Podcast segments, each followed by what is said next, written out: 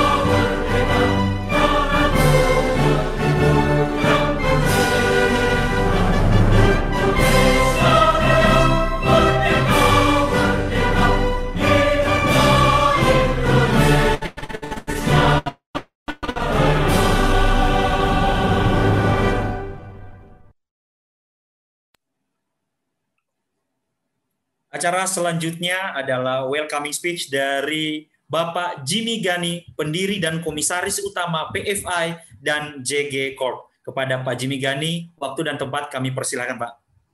Terima kasih Mas Mimo. Assalamualaikum warahmatullahi wabarakatuh.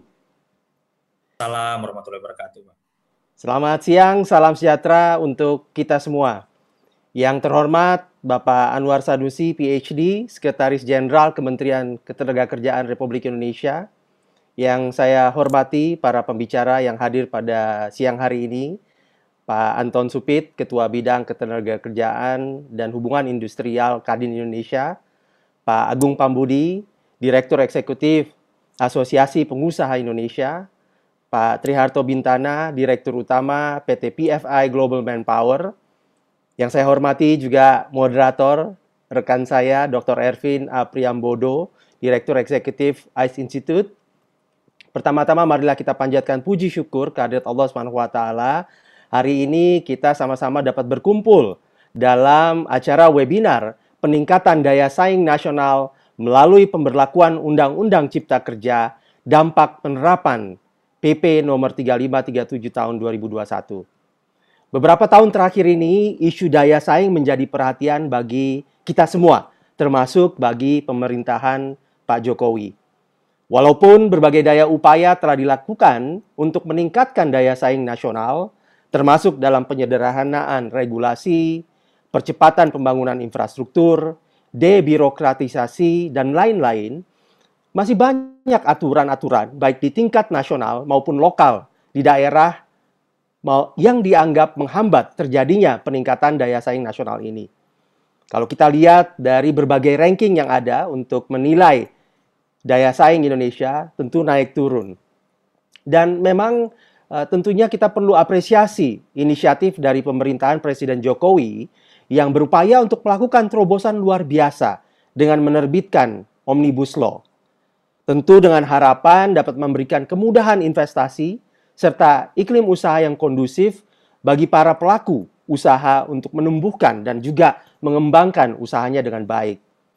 Alhamdulillah saya berkesempatan belajar mengenai daya saing ini dari guru competitiveness Prof. Michael Porter yang memberikan ajaran sewaktu saya di Harvard Kennedy School of Government tentang bagaimana membangun daya saing bukan hanya di tingkat firm atau pelaku usaha tetapi juga dalam hal bagaimana uh, competitiveness itu dibangun dengan satu uh, pilar, tiga pilar, yaitu pilar pertama adalah endowment, yang kemudian di atasnya itu ada macroeconomic of competitiveness, di mana dibutuhkan uh, kebijakan-kebijakan makro yang kondusif bagi usaha, tetapi juga perlu yang disebut sebagai microeconomic of competitiveness. Kita menyadari bahwa uh, Indonesia uh, ada di belakang dibandingkan dengan tetangga-tetangga kita seperti Singapura, Malaysia, dan lain-lain. Tetapi kita juga menyadari bahwa sebetulnya uh, ada hal-hal yang menjadi peluang untuk perbaikan. Dan kalau kita lihat uh, betapa uh, pemerintahan Presiden Jokowi concern terhadap hal ini, kita tentunya perlu apresiasi.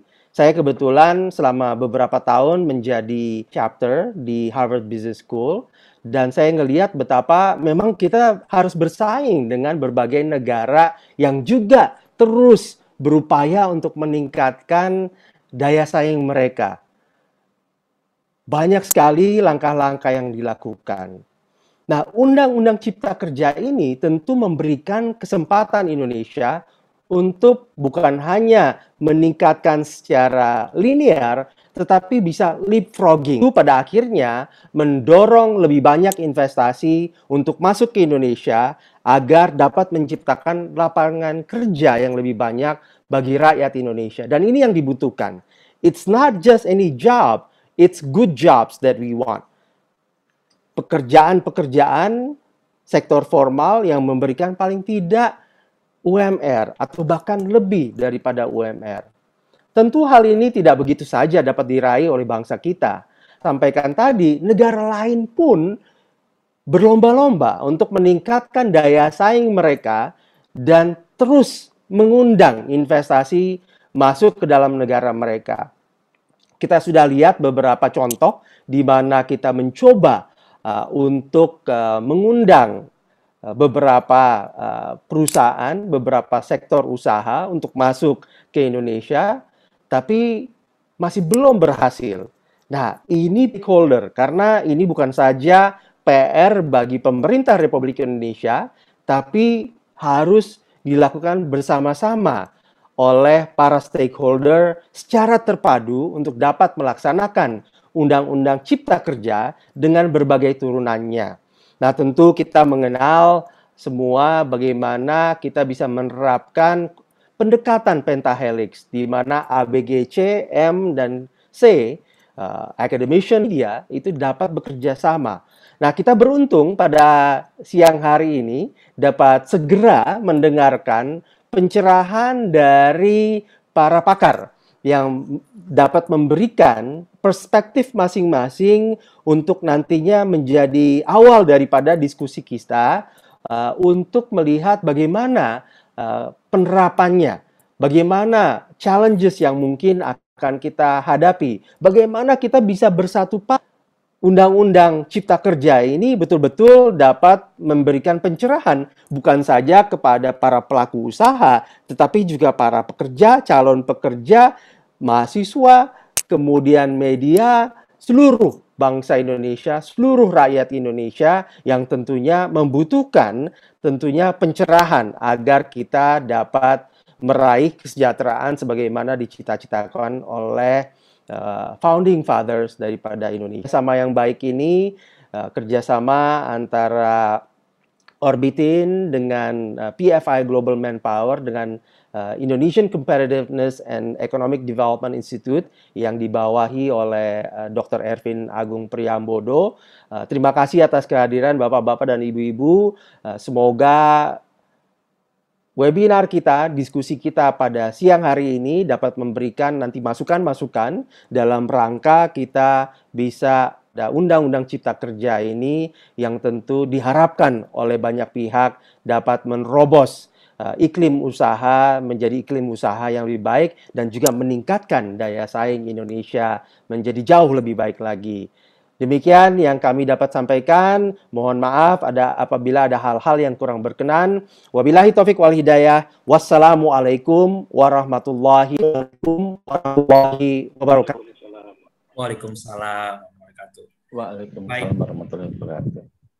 Terima kasih Pak Jimmy yang sudah membuka acara webinar ini yang dengan luar biasa. Dan sekarang kita masuk ke sesi kegiatan yang yang memang inti yaitu adalah webinar dan uh, webinar ini akan dipandu oleh, oleh moderator kita yang luar biasa. Maka tidak menunggu waktu lama, kami sapa Pak Dr. Ervin. Selamat siang Pak Dr. Ervin. Selamat siang Mas Memo. Apa kabar? Assalamualaikum. Apa suara saya bisa terdengar Mas? Jelas Pak. Jelas Pak. Full jelas Pak. Jelas okay. ya? Oke. Okay. Jadi okay, Pak Dr. Ervin Agung Priambodo merupakan eksekutif direktur daripada ICE Institute. Jadi tidak menunggu waktu lama, waktu dan tempat kami persilahkan kepada Pak Dr. Ervin. Silakan Pak Dr. Ervin. Ya, ya terima kasih Mas Memo. Wah, beliau adalah anak muda yang luar biasa sekali ya. Milenial dan semangatnya luar biasa dahsyat. Gak mau kalah dengan semangatnya Pak Jimmy Gani yang masih milenial juga pada zamannya. Mohon izin, peace. Oke, Bapak dan Ibu yang terhormat, Selamat siang, Assalamualaikum warahmatullahi wabarakatuh. Suatu kehormatan, suatu kebanggaan kita bisa berjumpa di forum yang sangat mulia di sini. Eh, terima kasih atas kehadiran Bapak dan Ibu. Tapi sebelumnya kami sampaikan terima kasih dan kehormat kami kepada Bapak Anwar Sanusi, PhD, selaku Sekretaris Jenderal Kementerian Ketenagakerjaan Republik Indonesia Bapak Jimmy Gani selaku pendiri dan komisaris utama GG Group yang terhormat juga kepada Bapak eh, Agung Pambudi yang nanti pun juga akan sebagai pembicara. Beliau adalah direktur eksekutif dari Asosiasi Pengusaha Indonesia. Kemudian kepada Bapak Anton J. Supit yang nanti juga menjadi pembicara di forum kita ini. Beliau adalah Ketua Bidang Ketenagakerjaan Kadin Indonesia. Dan yang terhormat kepada Bapak Triharto Bintana, yang nanti juga menjadi pembicara dalam forum kita ini. Beliau adalah Direktur Utama PT PFI Global Manpower. Dan yang tentu yang kami hormati juga kepada Bapak Dubes Najib Ripat. Semoga nanti beliau uh, ada waktu untuk bergabung bersama kita semua. Beliau adalah komisaris utama PT PFI Global Manpower. Dan yang pasti yang sudah tentu yang kita hormati dan kita banggakan adalah para undangan, para eh, rekan-rekan tamu undangan yang sudah hadir bersama dengan kita semua di sini.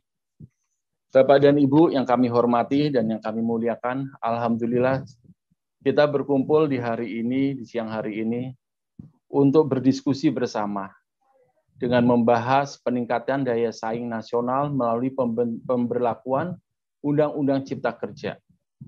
Dampak penerapan PP nomor 35, 37, 35 hingga 37 tahun 2021. Bapak dan Ibu yang kami hormati dan kami muliakan, sebagaimana kita ketahui bersama, dalam waktu dekat Indonesia dengan jumlah penduduknya sebanyak 270 juta lebih penduduk Indonesia Indonesia sudah akan mendapatkan yang namanya bonus demografi. Tuhan memberkati kita dengan jumlah penduduk yang sangat banyak sekali. Yang akhirnya kita akan mendapatkan bonus demografi. Yang harusnya di 2030 kita mendapatkan hal tersebut. Jumlah penduduk yang sangat banyak, jumlah yang sangat besar ini sudah tentu yang diharapkan dapat memacu, meletupkan khususnya dalam daya saing dan iklim bisnis yang ada di Republik kita. Iklim investasi, iklim bisnis bagi kita semua. Dan sudah tentu ketika bonus demografi ini ada nanti, itu memberikan kemaslahatan bagi bangsa kita. Bukan hanya satu dua pihak, tapi seluruhnya. Dalam hal ini pun juga sudah tentu memberikan kebermanfaatan bagi seluruhnya seperti pengusaha, karyawan, dan lain sebagainya. Bapak dan Ibu, pemerintah sudah melakukan suatu kajian yang luar biasa, berdiskusi yang panjang, malang melintang, ya, berusaha untuk mencari solusi bagaimana agar bisa timbulnya daya saing bangsa, khususnya dalam investasi. Maka lahirlah Undang-Undang Cipta Kerja. Dan kemudian kita tahu bersama ditetapkannya PP nomor 35 hingga 37 tahun 2021. Sudah tentu PP ini pasti akan mempunyai dampak yang luar biasa bagi aktivitas bisnis kita. Tapi untuk kita bisa mengetahui lebih mendalam, akan lebih layaknya nanti kalau kita mendengarkan langsung dari para panelis, dari para narasumber yang sudah hadir bersama dengan kita di sini. Seperti yang tadi sudah sedikit saya sampaikan, di sini sudah ada Bapak Agung Pambudi. Pak Agung, apa kabar Pak Agung Pambudi? Selamat siang Pak baik, Agung Pambudi. Kabar baik. Alhamdulillah, wah luar biasa. Sehat selalu ya Pak Agung ya. Sehat, sehat Pak. Sehat, oke. Terima kasih Pak Agung. Pak Agung ini adalah Direktur Eksekutif Asosiasi Pengusaha Indonesia. Nanti Pak Agung akan memberikan materinya. Ya, kemudian di sini nanti sudah ada Pak Anton J. Supit. Pak Anton, mohon izin, apakah Pak Anton sudah hadir? Pak Anton? Hadir, Pak Ervin. Oke, Pak Anton, senang Selamat ketemu siang. Dengan, dengan Bapak. Cuman kali gambarnya aja. Nah, kayak gini aja nggak apa-apa kok, Pak Anton. Okay. Nggak usah pakai green screen. Mohon kok Pak pakai green screen kita nggak kelihatan gantengnya oh, Pak oh. Anton di sini. Dengan ini udah udah keren, udah keren sekali. Ya Bapak dan Ibu yang kami hormati, Pak Anton J. Supit, beliau adalah Ketua Bidang Ketenagakerjaan Kadin Indonesia. Dan nanti Pak Anton pun akan menyampaikan konsep-konsep dan gagasan beliau ya yang yang pasti harus kita dengerin ini. Kita dengarkan bersama-sama. Selanjutnya Pak eh, selanjutnya pembicara berikutnya nanti ada Pak Triharto Bintana. Pak Tri Pak Pak Triharto apa sudah hadir? Sudah. Waalaikumsalam Pak Triharto. Alhamdulillah. Nah, sudah hadir juga. Pak Triharto Bintana, beliau adalah Direktur Utama PT uh, PFI Global Manpower, ya PFI Global Manpower yang emang beliau terlibat langsung dengan secara langsung dengan dunia di lapangan, khususnya yang berkaitan dengan ketenaga kerjaan. Bapak dan Ibu, nanti kita akan berdiskusi bersama-sama. Yang pertama akan kita nanti kita mulai mohon maaf dengan dengan Pak Agung terlebih dahulu Oh. kemudian uh, kurang lebih selama 15 menit ya 15 menit 15 menitan sampai 20 menit kemudian dengan Pak Anton J Supit dan kemudian terakhir dari Pak uh, Triharto Bintana ya nanti masing-masing langsung memaparkan materinya Bapak dan Ibu Bapak-bapak semua kemudian setelah itu kita akan masuk ke dalam forum diskusi Nah, forum diskusi ya. Nanti monggo Bapak dan Ibu untuk apa jika ada yang mau ditanyakan bisa dalam kolom chat ya dalam kolom chat seperti yang tadi sudah disampaikan oleh Mas Memo. Namun lain daripada itu kita pun juga perlu mengucapkan terima kasih khususnya 20 30 menit. Ya, siap boleh Pak Pak, Pak ya. Oke, Pak Ji. Ya, uh, ucapkan terima kasih di sini khususnya kepada PT Proven Force Indonesia ya, PT Orbitin kebangsaan Indo kebanggaan Indonesia dan juga uh, ICE Institute yang menyelenggarakan event ini. Terima kasih kepada PFI, terima kasih kepada ICE Institute dan juga terima kasih kepada Orbitin. Sukses selalu untuk uh, PFI, uh, ICE dan Orbitin. Baik, Bapak dan Ibu, kita sudah berkumpul bersama di sini. Uh, kita akan langsung uh, berdiskusi dengan uh, para panelis. Yang pertama kita akan berdiskusi dengan Pak Agung, ya. Beliau akan memaparkan isu-isu, konsep-konsep, gagasan-gagasan, khususnya berkaitan dengan daya saing, terus uh, klaster ketenaga kerjaan dan lain sebagainya. Waktu kami persilahkan. Apakah Pak Agung sudah siap? Sudah Pak Agung? Oke. Okay. Ya, Pak. ya. Monggo, kalau gitu langsung aja karena waktunya berjalan terus kami persilakan kepada Pak Agung, Pak Budi untuk menyampaikan uh, materinya. Silakan Pak Agung.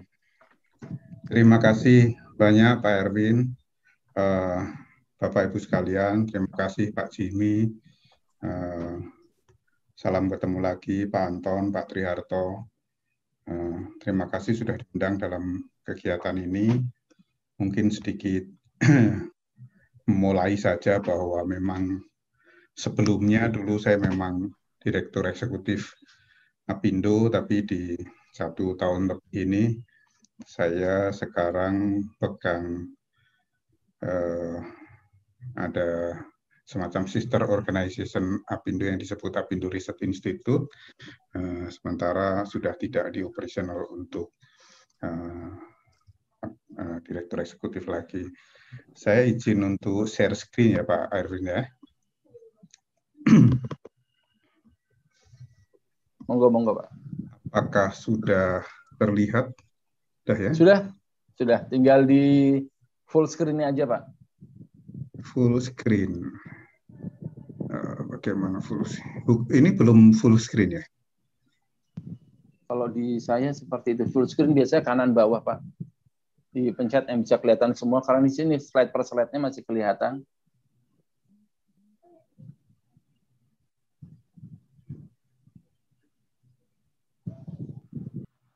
Kiri lagi dikit, satu lagi.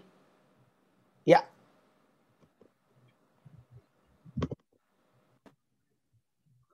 Masih tetap seperti itu ya.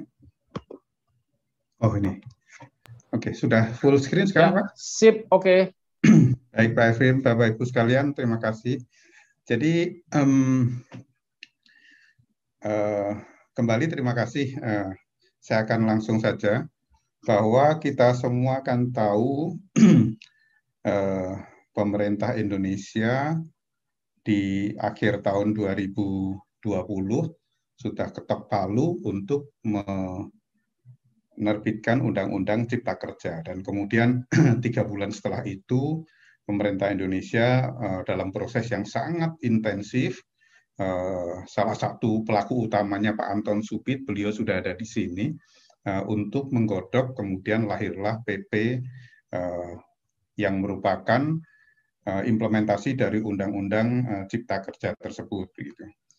Jadi di sini tentu kalau kita bicara keseluruhan dari empat peraturan pemerintah di klaster ketenaga kerjaan ini, waktu barangkali tidak memungkinkan untuk kita melihat sangat detail satu persatu, tetapi uh, paling tidak kita akan highlight beberapa isu utama yang ada di uh, keempat PP ini dan bagaimana nanti potensi implementasinya ke depan.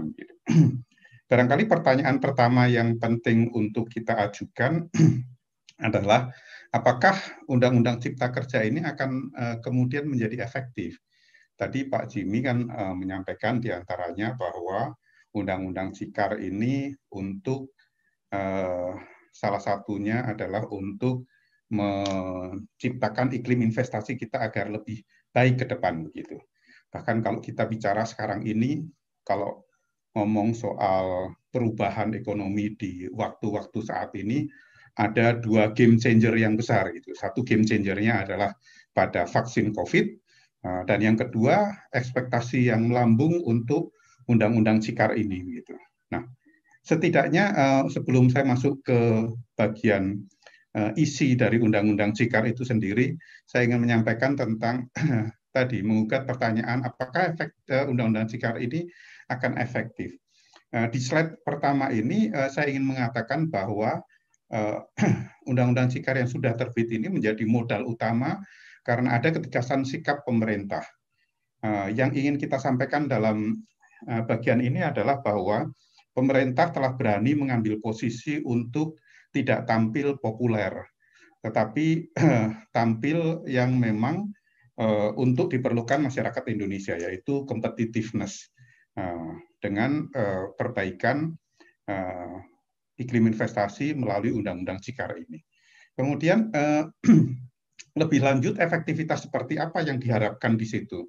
Eh, setidaknya eh, cara kita melihatnya eh, bahwa selain Undang-Undang Sikar ini akan berkontribusi besar terhadap keseluruhan sektor yang ada, tetapi kalau kita mencermati pada klaster ketenaga kerjaan, setidak-tidaknya itu memberikan dukungan bagi industri padat karya, usaha kecil menengah dan job seeker pekerja. Jadi kalau kita mengatakan siapa sebenarnya beneficiary utama yang akan mendapatkan manfaat dari Undang-Undang Cikar di kelas tenaga kerjaan atas 4 PP yang akan kita ulas ini adalah pada job seeker karena uh, investasi akan tambah dan tentu job creation mengikuti. Kemudian padat karya karena selama ini padat karya Eh, sebenarnya beroperasi dari eh, satu sistem ketenaga kerjaan yang eh, melampaui kemampuannya untuk dapat comply dan dengan ini dengan undang-undang Cikar akan lebih rasional ke sana. Sementara bagi UKM dengan cerita yang kurang lebih juga sama untuk undang-undang untuk sektor padat karya yaitu UKM akan diharapkan kemudian nantinya ketika compliance sudah ada, maka akan dapat beroperasi secara formil dan dengan menjadi formil akan bisa mendapatkan sejumlah manfaat yang didapatkannya yang semula tidak didapatkan ketika masih belum bisa beroperasi secara uh, formil, kurang lebih seperti itu. Nah, Bapak Ibu, hmm, ini uh, beberapa highlight yang akan saya, saya sampaikan, tapi saya rasa saya tidak akan membahas detail di sini, tapi langsung saja saya akan mencoba masuk pada slide-slide pembahasan dengan urutan-urutan. Eh, tadi Pak Erwin katakan kita akan membahas tentang PP dari 34 sampai 37. 34 itu terkait eh, tenaga kerja asing. Kalau PP 35 terkait perjanjian kerja waktu tertentu, kemudian alih daya atau outsourcing, eh, yang tentu nanti akan cukup banyak dibahas oleh Pak Triarto juga karena eh, bisnis eh, lingkup dari Pak Triarto di bisnis alih daya ini, kemudian tentang waktu kerja dan waktu istirahat, dan juga di sementara di Undang-Undang 36 kita akan akan oh ya maaf termasuk juga PHK di Undang-Undang 35 di Undang-Undang uh, di PP 36 maksud saya PP tentang pengupahan secara umum dan kemudian 37 tentang jaminan kehilangan pekerjaan. Nah, eh, seperti saya sampaikan tadi, saya hanya akan meng-highlight beberapa isu-isu utama. Gitu. Jadi eh, yang paling dasar, paling utama dari eh, pengaturan PP yang merupakan implementasi dari Undang-Undang Cikar di eh, klaster ketenaga kerjaan pada topik eh, tenaga kerja asing adalah bahwa Eh, setidaknya dalam eh, undang-undang ini, dalam PP ini, yang semula ada beban kewajiban administratif, yaitu untuk eh, keharusan perusahaan ketika akan mempekerjakan pekerja asing harus mengurus IMTA atau izin mempekerjakan tenaga kerja asing, sudah tidak lagi diberlakukan dengan Eh, rejim dari Undang-Undang Cikar yang kemudian diterjemahkan dalam PP nomor 34 ini gitu. Uh, tentu dari situ sudah mengurangi beban administratif dan memberi kepastian usaha. Gitu. Jadi sudah ada satu tahap kemajuan di sini. Hanya cara kita melihat juga di konteks Apindo, kalau kita bicara secara luas tadi sudah saya sampaikan bahwa pada dasarnya secara umum keseluruhan Undang-Undang Cikar ini dan aspek uh, di ketenaga kerjaan uh, mendukung uh, iklim investasi ke depan. Namun demikian, ada sejumlah catatan yang perlu untuk mendapat perhatian juga. Walaupun catatan-catatan yang ingin saya sampaikan ini tidak dalam maksud kemudian mengatakan bahwa Undang-Undang Cikar dengan klaster ketenaga kerjaannya lantas tidak memiliki arti perbaikan, tetapi ada beberapa hal yang Eh, masih merupakan outstanding issue yang mungkin bisa uh, apa menjadikannya tidak sangat optimal sebagaimana diharapkan, tapi setidaknya juga sudah ada perbaikan-perbaikan utama. Yaitu misalkan uh, di tenaga kerja asing ada dua isu, uh, yaitu bahwa positif list jenis jabatan yang diperbolehkan dalam tenaga kerja asing itu uh, pada saat ini yang terakomodir dalam PP yang ada belum bisa mengakomodir eh, kebutuhan dunia usaha yang sangat dinamis untuk ke depan. Karena pada saat ini uh, diprediksikan uh, belum belum bisa diprediksikan. Mengapa? Karena uh, yang diterapkan di situ adalah uh, prinsip positive list. Sementara sebenarnya yang kita harapkan di situ yang berlaku adalah prinsip negatif list. Kenapa ini menjadi satu concern? Karena ketika kita bicara positive list, ada jenis-jenis pekerjaan yang saat ini belum bisa kita estimasi, tetapi di, ke, eh, di kemudian hari itu akan bisa menjadi kebutuhan utama. Misalkan di contoh di industri tambang saat ini ada 24 jenis eh, jabatan yang dimasukkan dalam positif list itu. Tetapi ketika kita bicara untuk kebutuhan ke depan, barangkali lebih dari uh, sekedar 24 jenis itu. Dan dengan dengan rejim positif list uh, membatasi kita untuk bisa fleksibilitasnya. Lain cerita kalau uh, yang diterapkan adalah prinsip negatif list. Kemudian yang kedua bahwa yang dikecualikan untuk kewajiban RPTKA uh, eh, khusus untuk pemegang saham juga menjadi sedikit hambatan karena untuk perusahaan-perusahaan skala besar justru mempekerjakan profesional TKA yang bukan pemegang saham. Ini salah satu hal yang juga perlu mendapat perhatian. Eh, kemudian isu yang kedua soal pekerja waktu tertentu atau PKWT atau simpelnya bahasa awam mengatakan bahwa ini pekerja tidak tetap gitulah. Nah, ada hal yang sudah uh, sangat menarik di sini uh, yang membedakan dengan sebelumnya gitu bahwa dibedakan untuk jenis PKWT ini ada tiga hal besar yaitu PKWT berdasar jangka waktu, PKWT berdasar selesainya suatu pekerjaan dan PKWT berdasar uh, pekerjaan tertentu lainnya begitu. Yang semula uh, bahwa PKWT ini uh, hanya uh, bisa untuk jenis-jenis kerjaan tertentu. Sekarang sudah cukup luas begitu dan yang berdasar jangka waktu misalkan itu sifatnya adalah pekerjaan yang tidak lama, kemudian musiman, merupakan produk baru dan sebagainya, yang paling lama waktunya adalah diperbolehkan sampai lima tahun, sementara untuk Eh, pekerjaan yang masuk dalam kategori selesainya suatu pekerjaan tertentu, yaitu yang sekali selesai bersifat sementara jangka waktu bisa berdasarkan kesepakatan para pihak. Artinya ini bisa kurang dari lima tahun dan juga bisa juga lebih dari lima tahun. Apa contoh dari pekerjaan ini? Misalkan ada satu proyek apa ya, proyek membuat jembatan begitu. Dari estimasi membuat jembatan itu diperkirakan akan menjadi 6 atau 7 tahun. Maka Eh, di sana dia masuk dalam klasifikasi ini. Tidak hanya dibatasi dalam lima tahun, tetapi karena sifatnya adalah suatu pekerjaan tertentu yang akan langsung selesai, eh, begitu proyek itu selesai, dia akan selesai, maka dia diperkenankan untuk bisa eh, lebih dari lima tahun. Lalu pekerjaan tertentu lainnya yang sifat kegiatannya tidak tetap dan harian. Nah, kemudian yang membedakan juga adalah bahwa melalui pekerja waktu tertentu ini yang dahulu seketika ada PHK tidak uh, apa tidak mendapatkan kompensasi kali ini uh, yang masuk dalam PKWT eh, ketika pekerjaannya sudah selesai juga mendapat kompensasi pemutusan hubungan kerja atas selesainya kontrak begitu. Dan PKWT ini yang cukup perlu mendapat perhatian adalah pada masa transisi gitu antara rejim dari peraturan pemerintah undang-undang sebelumnya dengan yang saat ini gitu.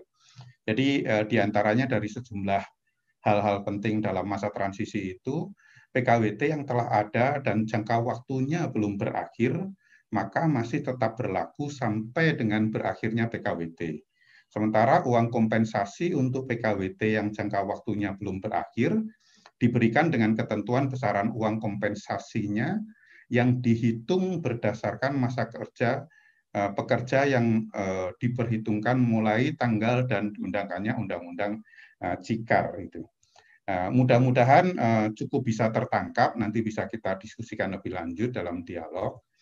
Nah, saya akan masuk ke poin selanjutnya tentang outsourcing atau alih daya. Jadi kalau uh, sebelumnya dibedakan antara uh, apa kalau uh, kalau sebelumnya outsourcing itu seolah dikesankan uh, hanya sekedar dalam tanda petik mensuplai labor atau uh, job supply, tetapi di, di konteks undang-undang ini tidak demikian gitu. Jadi outsourcing diletakkan lebih dalam konteks dia adalah uh, model bisnis gitu.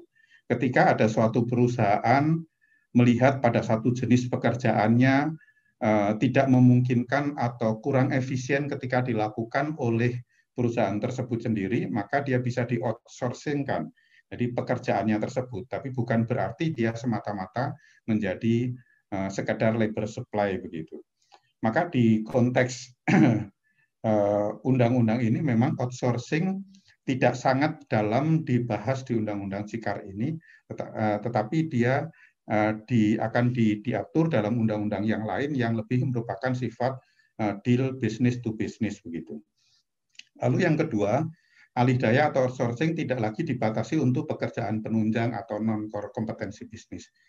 Jadi kita tahu kan pada saat itu bahwa di Undang-Undang 13 dibedakan antara pekerjaan yang core kompetensinya dan non core kompetensinya. Nah, Eh, dan outsourcing hanya boleh untuk yang non core competence eh, bisnis. Tapi sekarang sudah tidak lagi dibatasi seperti itu.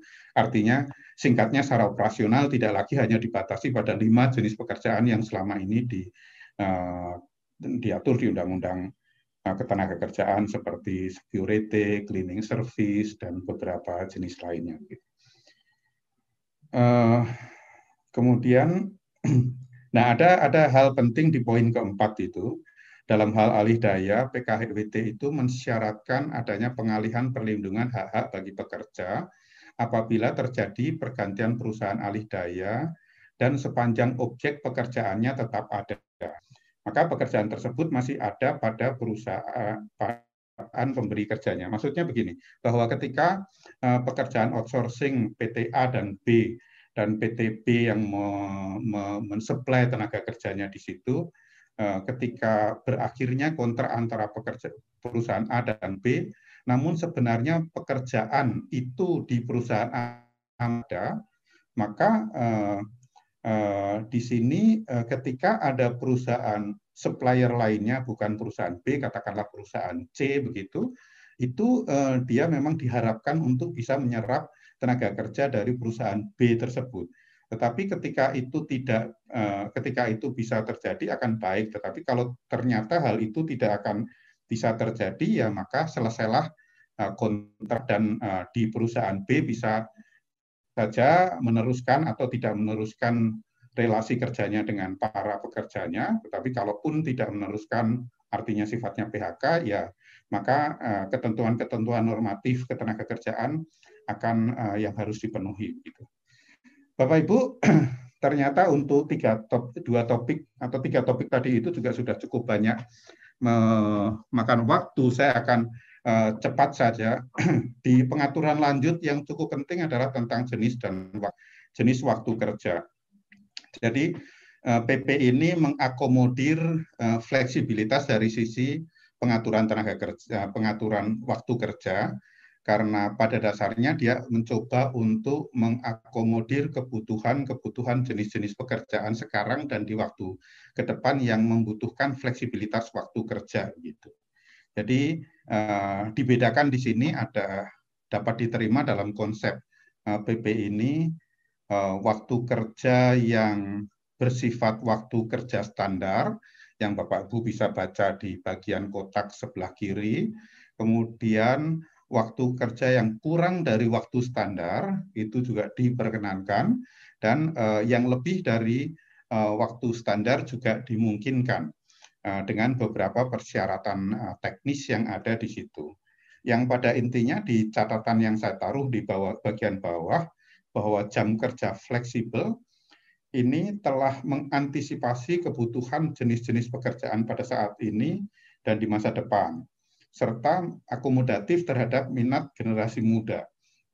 Yang saya maksudkan dengan minat generasi muda ternyata bahwa uh, berbagai survei studi menunjukkan bahwa ada pergeseran yang cukup signifikan dari minat generasi muda untuk bekerja yang uh, bahkan melahirkan satu konsep satu istilah yang cukup unik yang disebut sebagai apa itu uh, permanen part timer.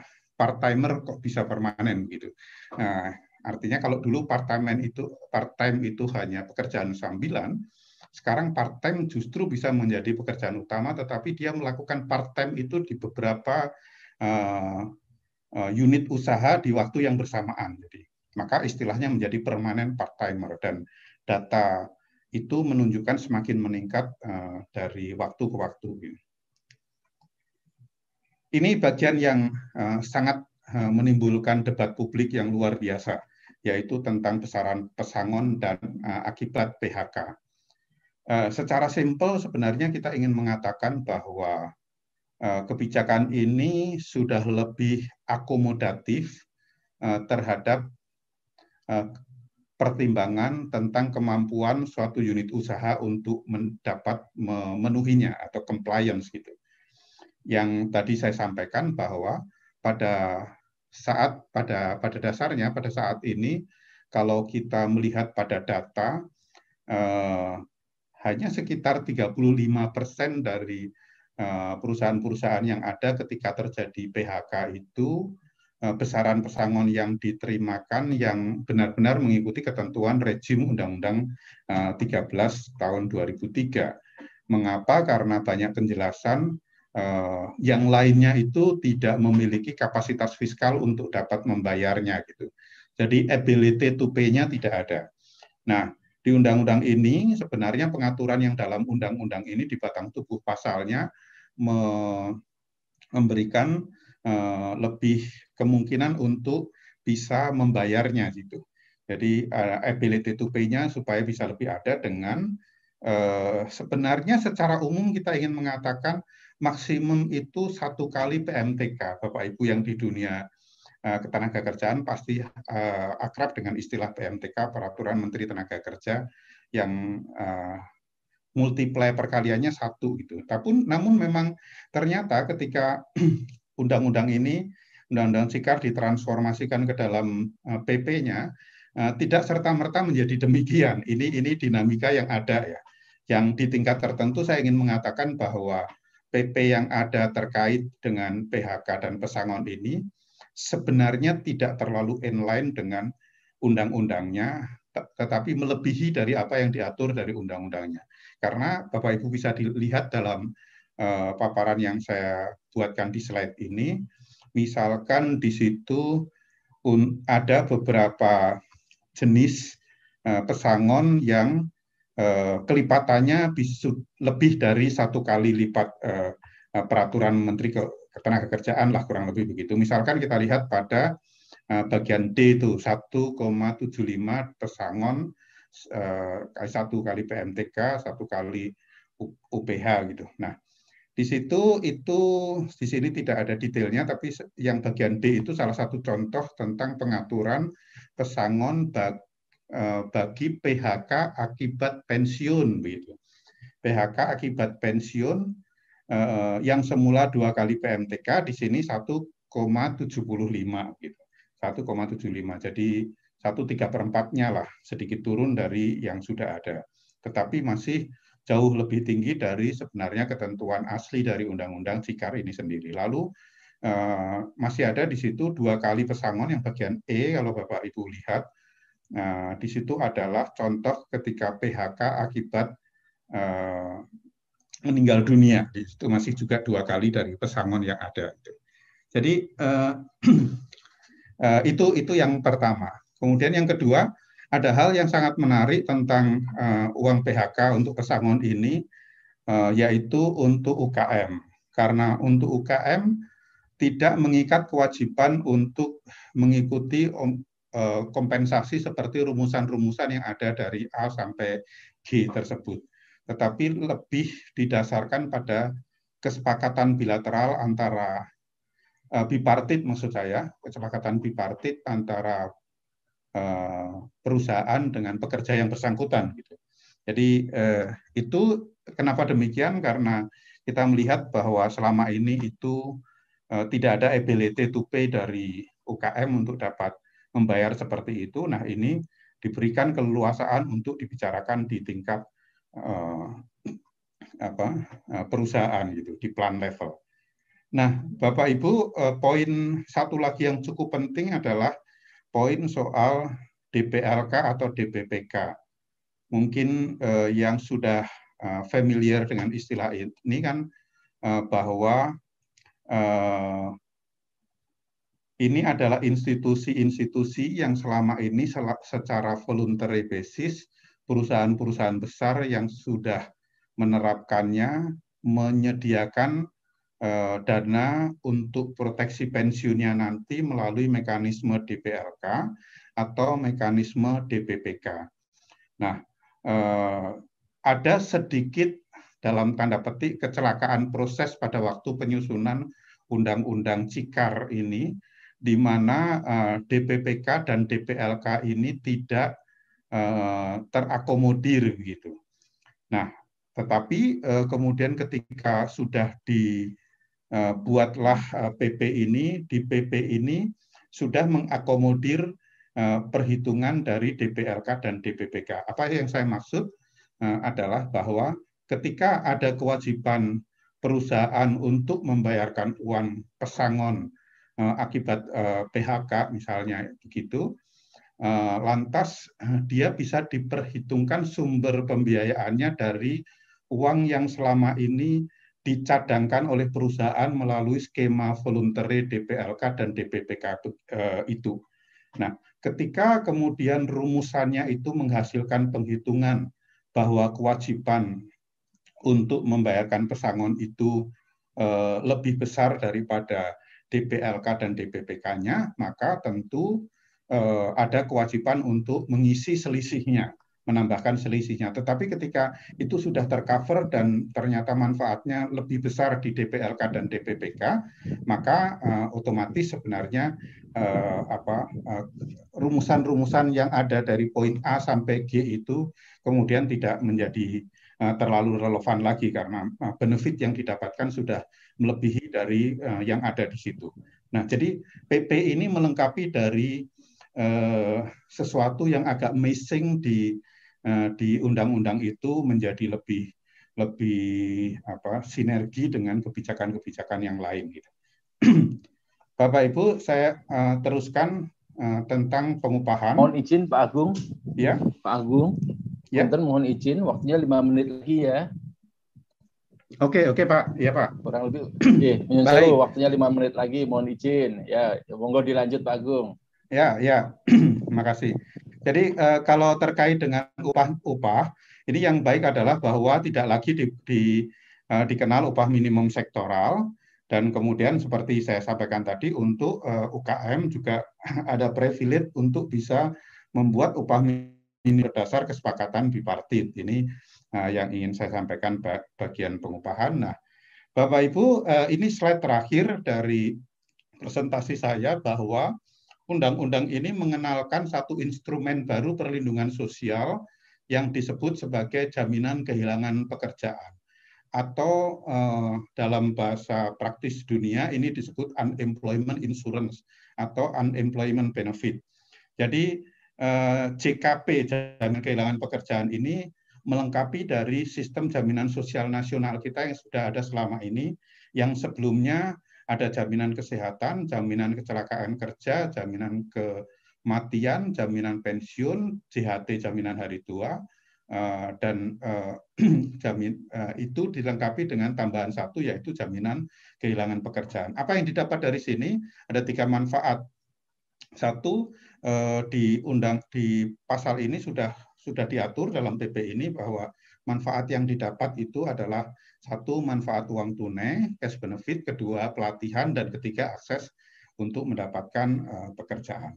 Saya rasa uh, mungkin itu Pak Ervin Eh, sebagai awal pengantar diskusi, mudah-mudahan cukup memberikan gambaran secara umum tentang materi-materi yang tertuang dalam implementasi Undang-Undang Sikar di tiga di empat PP yang ada ini, eh, yang tentu tadi saya memberikan beberapa catatan bahwa secara umum pengaturan-pengaturan yang ada dalam PP ini dalam banyak hal sudah memenuhi kebutuhan dunia usaha saat ini dan ke depan dan menjadikan Indonesia harapannya menjadi lebih kompetitif ke depan.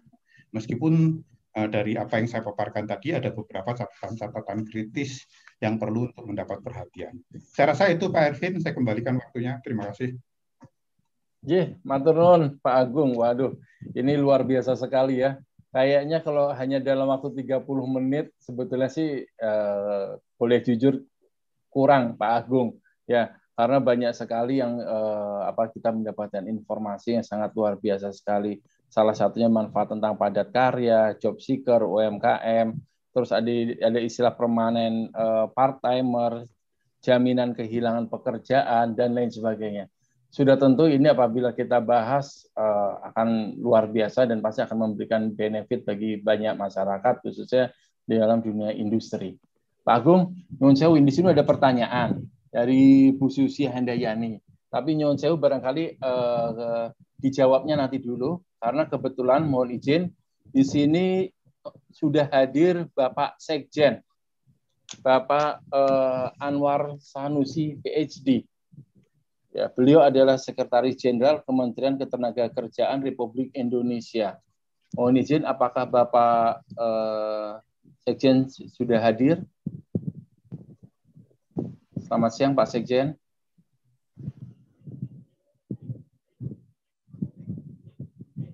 Selamat siang, apakah Bapak Sekjen sudah hadir bersama dengan kita semua di sini?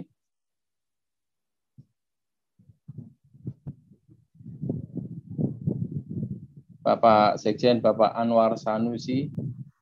Mungkin beliau masih menerima Pak Dubes Jepang ya, jadi bisa dilanjut kali Pak. Oke, baik, baik. Baik kalau gitu. Ya, oke kalau gitu tadi sudah ada satu pertanyaan dari Bu Susi ya, barangkali langsung karena tadi langsung. masih satu pertanyaan pasti langsung kepada Pak Agung. Mungkin ke, ya. mungkin ke gitu. Pak Anton dulu, Pak. Ya, kita akan lempar ke Pak Anton dulu, Pak Pak Jimmy.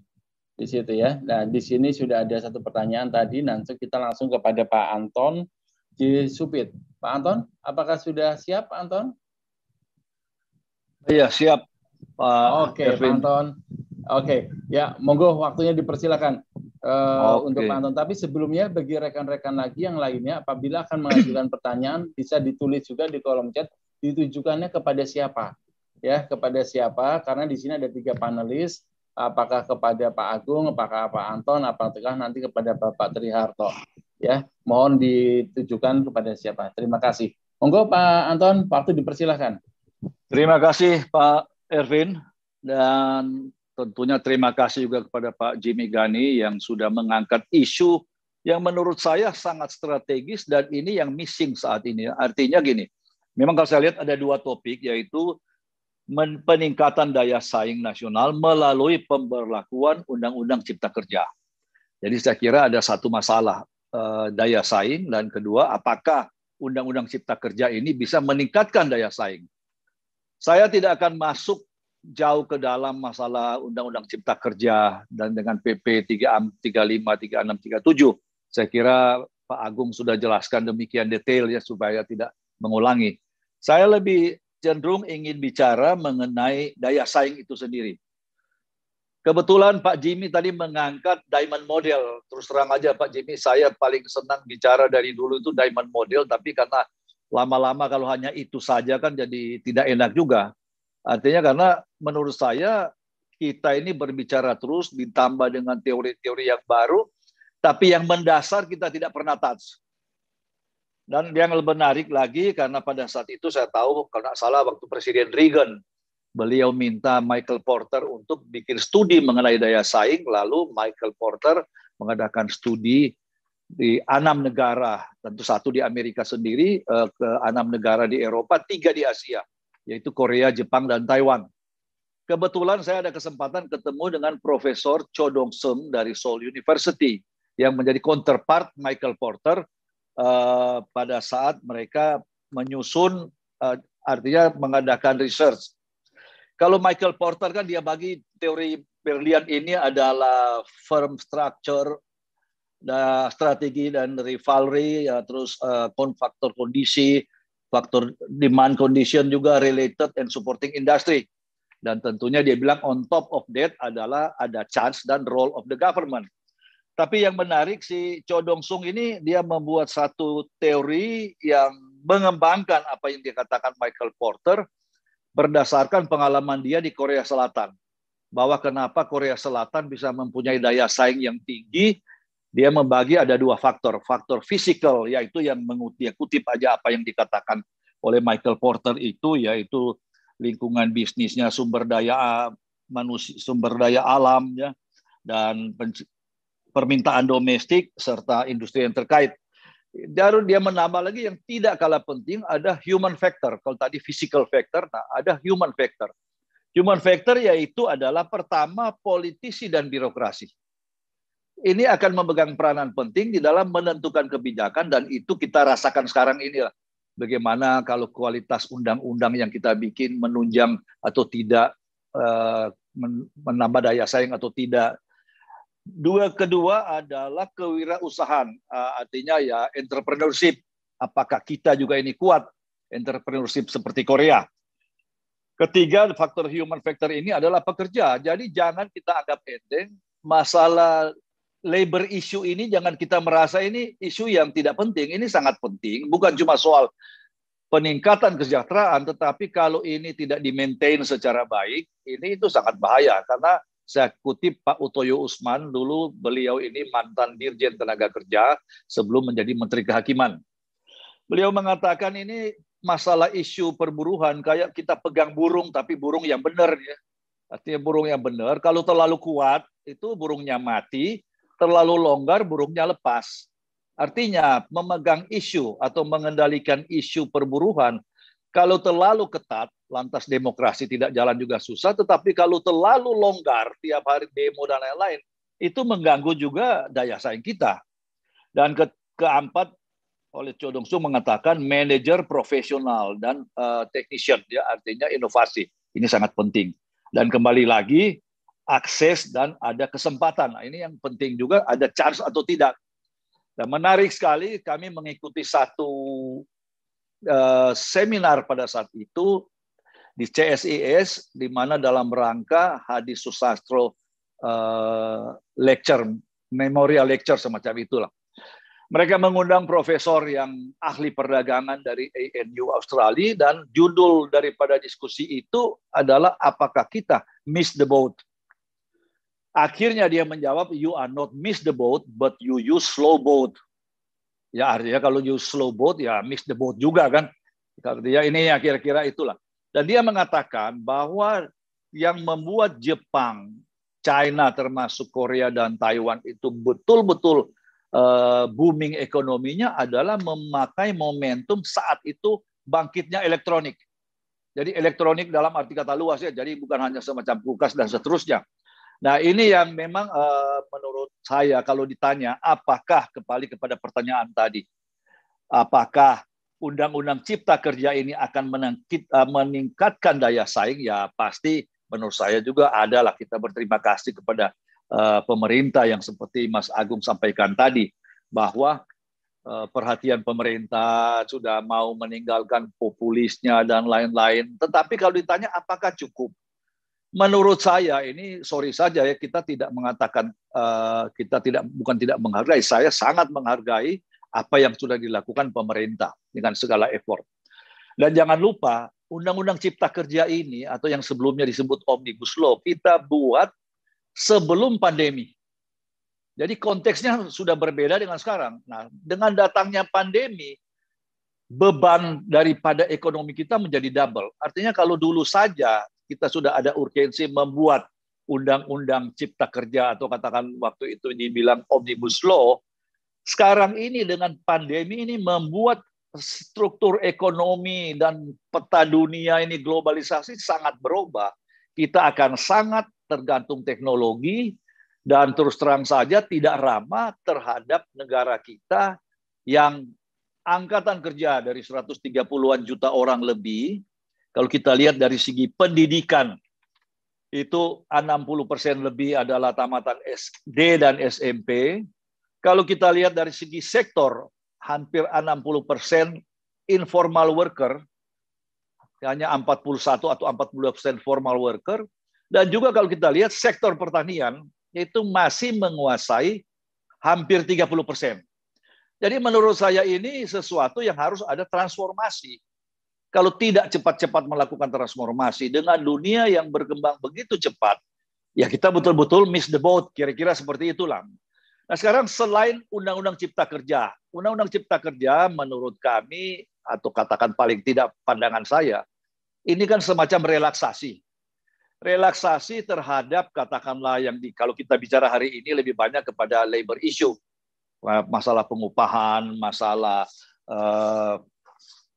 uh, alidaya, PHK dan lain-lain, di mana ada perbaikan. Tentunya terima kasih juga bahwa ada perbaikan ke situ.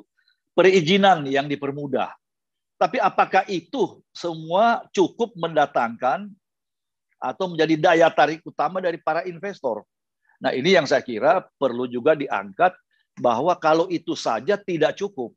Karena apa? Pertama, investor itu akan membutuhkan kepastian usaha. Artinya certainties. Jangan sampai ada uncertainties yang setiap kali berubah-ubah. Ya kita saya tidak usah sebut satu-satu, tapi saya kira semua tahulah banyak itu proyek-proyek yang besar yang hari ini uh, kebijakannya berbeda dengan kebijakan yang akan diambil nanti. Ya katakanlah uh, ya contohnya Masela lah yang kita lihat ya artinya karena dengan perubahan seperti itu lantas tertunda enam tahun. Salah satu investor malah sudah mundur ya dari Shell. Juga kalau kita lihat memindahkan pelabuhan dari Cimalaya menjadi Patimban Padahal saat itu banyak investor masuk di daerah Cikarang, eh, daerah Kerawang, karena tertarik dengan pelabuhan itu. Nah, hal-hal ini tentunya ya perlu dijawab pemerintah bahwa ada kepastian dan tentunya sebelum mengambil keputusan ada studi yang betul-betul eh, komprehensif. Kedua, yang sebenarnya diharapkan juga oleh investor adalah apakah ekonomi kita ini terbuka atau tertutup, apakah kita anti asing atau tidak, Artinya ini begini, kalau hanya industri kecil, manufacturing pabrik sepatu barangkali tidak banyak pengaruh karena mereka yang penting sudahlah sepanjang kita masih bisa produksi. Tapi industri-industri yang katakanlah strategis yang besar, mereka tentunya tidak bisa uh, pindah begitu cepat. Kalau industri garment, sepatu itu ya gampang pindah lah, artinya dengan mesin-mesin yang tidak terlalu sophisticated dan seterusnya. Nah, oleh karena itu, memang ini yang harus betul-betul dipikirkan oleh pemerintah kita bahwa konsistensi ini menjadi satu tantangan yang besar buat kita. Ketiga, yang memang perlu juga dijawab, yang sudah menjadi banyak juga pertanyaan, peranan BUMN ini sejauh mana ini? Apakah kita hanya mengandalkan BUMN atau mereka pelengkap? Yang buat saya begini tidak punya uh, privilege mau yang bagaimana. Tapi ini semua harus ada juga ketegasan ketegasan pemerintah bahwa ke depan akan seperti ini. Karena dengan adanya pasar bersama ASEAN ya AFTA dan lain-lain ini ya lantas untuk investasi tidak harus di negara yang katakanlah kita mempunyai keunggulan karena kita mempunyai pasar yang besar itu tidak bisa diingkari tetapi untuk berproduksi, memproduksi barang yang nantinya bisa kompetitif, itu dia akan cari tentu negara yang ya konsisten dan peramah terhadap investasi dan seterusnya. Nah sekarang kalau kita bicara bagaimana meningkatkan daya saing, lah menurut saya sebenarnya konsep dari Michael Porter dan dikembangkan Cho Dong Sung itu masih relevan. Tapi kalau kita lihat yang paling akhir, yang kita suka pakai sebagai referensi adalah 12 pilar competitiveness dari World Economic Forum. Dan kalau kita lihat satu persatu, ya mulai dari institusi, infrastruktur, macroeconomic stability, health and primary education, baru higher education and training, good market efficiency, labor market efficiency, financial market sophistication, sophistication technological readiness, market size, business sophistication, dan innovation. Kalau kita lihat satu persatu, jujur aja ya selain market size yang itu given ya, dengan katakanlah 265 juta orang, kalau cari 50 juta golongan menengah yang mampu belanja, saya kira ada lah. Dan jangan main-main dengan 50 juta orang, karena 50 juta itu dua kali Malaysia. Nah, ini ini yang apa namanya akan pasti akan menjadi incaran. Nah, persoalan kita yang utama adalah sekarang apakah hanya pasar kita bisa bergerak atau masalah penciptaan lapangan kerja.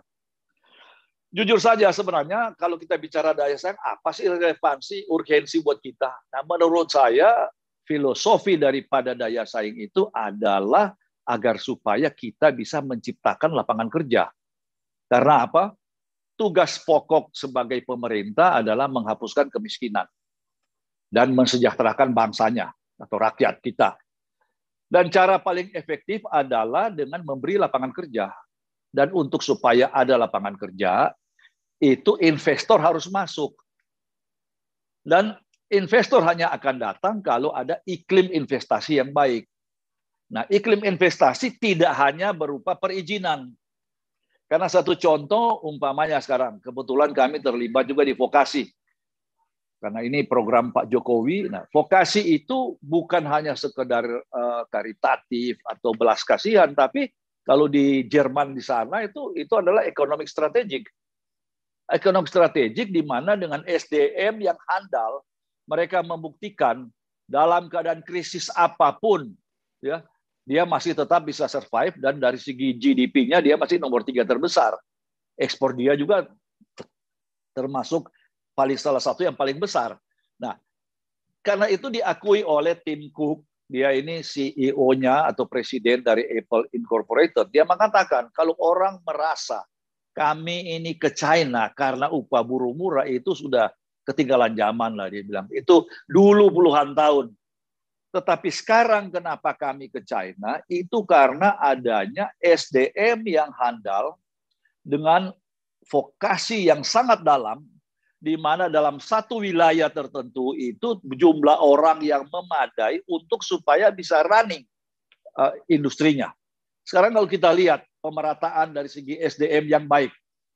Kalau kita ke daerah timur, saya dari asal dari timur ya, jadi saya tidak mengundergrade bagian timur, tapi mencari SDM yang handal ini sesuatu perjuangan panjang.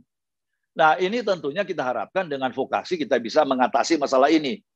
Ini kita baru bicara SDM-nya, belum kita bicara lagi ya tentunya infrastruktur dan tentunya juga yang Pak Agung juga pernah pimpin adalah kita bersama-sama membentuk komite pemantauan pelaksanaan otonomi daerah. Pak Agung ini adalah direktur eksekutif kita yang pertama. Tujuan daripada mendirikan KPPOD ini adalah menjadi uh, apa watchdog daripada pelaksanaan otonomi daerah khusus iklim investasi. Karena kita sadar hanya dengan adanya iklim investasi yang baik, daerah itu akan baik. Nah, kalau kita lihat sekarang pengalaman studi KPPOD ada satu rumusan bahwa otonomi daerah itu berhasil secara fiskal kalau sekitar 20% daripada APBD-nya itu dari PAD pendapatan asli daerah. Kalau kita terapkan di 500-an kabupaten itu mungkin 10 atau mungkin tidak sampai atau sekitar itulah kabupaten yang memenuhi syarat. Akhirnya sudah 20 tahun kita berotonomi daerah, tetapi ternyata kemandirian fiskal masih tergantung pusat. Karena apa? Karena hampir tidak ada kepala daerah yang kampanye agar supaya investor datang bahwa kalau datang ke daerah saya bukan hanya sumber daya alam dan sumber daya manusia, tapi kita punya good governance daerah ini. Nah ini tentu semua yang saya pikir syukur kalau Pak Pak Jimmy bisa mengangkat lebih banyak lebih khusus membahas bagaimana peningkatan uh, international competitiveness. Sebab kalau tanpa international competitiveness kita akan ketinggalan, Pak Erwin. Ini kita dan begini, kalau kita bicara daya saing itu bukan kita bicara besarnya GDP, ya. Uh, tapi bukan juga berdasarkan pendapatan per kapita karena saya ingat pada waktu Cho Dong Sung datang ke Indonesia dia mengatakan dikasih contoh Kuwait saat itu. Pendapatan per kapita mungkin tertinggi di dunia itu. Tapi apakah Kuwait punya daya saing? Itu saya lupa dia utarakan satu negara yang besar, GDP-nya besar, tapi apakah dia punya daya saing? Ternyata juga tidak.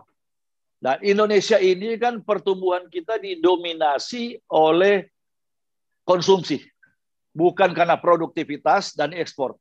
Nah ini barangkali dengan katakanlah Pak Jimmy dan teman-teman bisa merintis uh, sesuatu diskusi yang lebih mendalam bahwa daya saing itu sesuatu yang harus ada kalau kita mau survive di bidang ekonomi.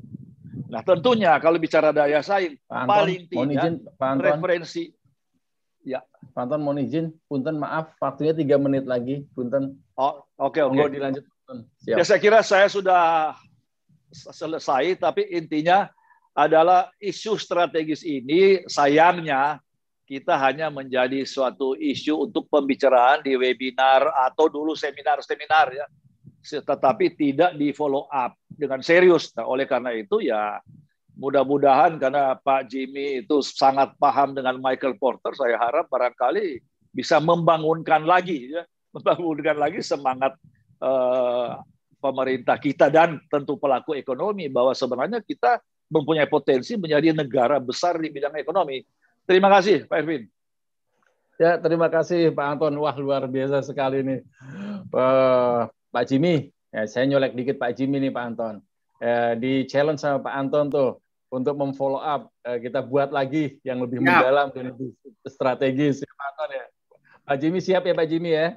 Ya, Pak Ervin, terima kasih. Saya uh, senang sekali tadi apa apa yang disampaikan oleh Pak Anton karena selama beberapa tahun ini saya diminta bicara di uh, Daegu Korea Selatan uh, untuk oh, mempresentasikan tentang competitiveness Indonesia. Apalagi saya sebagai chairman daripada Asian chapter dari competitiveness uh, uh, forum tersebut yang terdiri dari profesor-profesor dari Asia, seluruh Asia. Jadi kita bicara tentang uh, apa pengembangan dari masing-masing, Pak. Saya terus terang uh, agak kagok gitu ya pada saat karena saya kan chairmannya. Pada saat saya berbicara tentang uh, Indonesia, kita uh, terus terang aja uh, kalau bicara mengenai uh, competitive rivalryness daripada perusahaan-perusahaan Indonesia ini masih kurang relatif kecil karena bicara mengenai productivity, utilisasi, effectiveness, itu agility, itu kita masih sangat kurang. Nanti kita terusin lagi masih Pak Pak Anton. Terima kasih. Oke Pak Jimmy, terima kasih. Oke, siap tuh Pak Jimmy untuk challenge berikutnya ya. Matur nuwun Pak Pak Jimmy, terima kasih Pak Anton ya. Oke, uh, ada sesuatu apa yang tadi disampaikan Pak Anton menarik juga di sini. Jangan sampai kita miss debut di situ dan kemudian yang tadi ya harus pinter-pinter seperti kita pegang burung kekencangan mati ke kendoran bablas terbang burungnya di situ ya. Oke, nanti kita akan diskusi lebih lanjut lagi dan uh, narasumber berikutnya insya Allah nanti adalah uh, Bapak Triharto. Tapi sebelum kita masuk kepada Bapak Triharto, uh, saya coba lagi menyapa kepada Bapak Sekjen, ya, Bapak Sekjen, Bapak Anwar Sanusi, PhD, Bapak Sekjen Kementerian Ketenagakerjaan Republik Indonesia, Apakah Bapak sudah hadir, Pak? Mohon izin.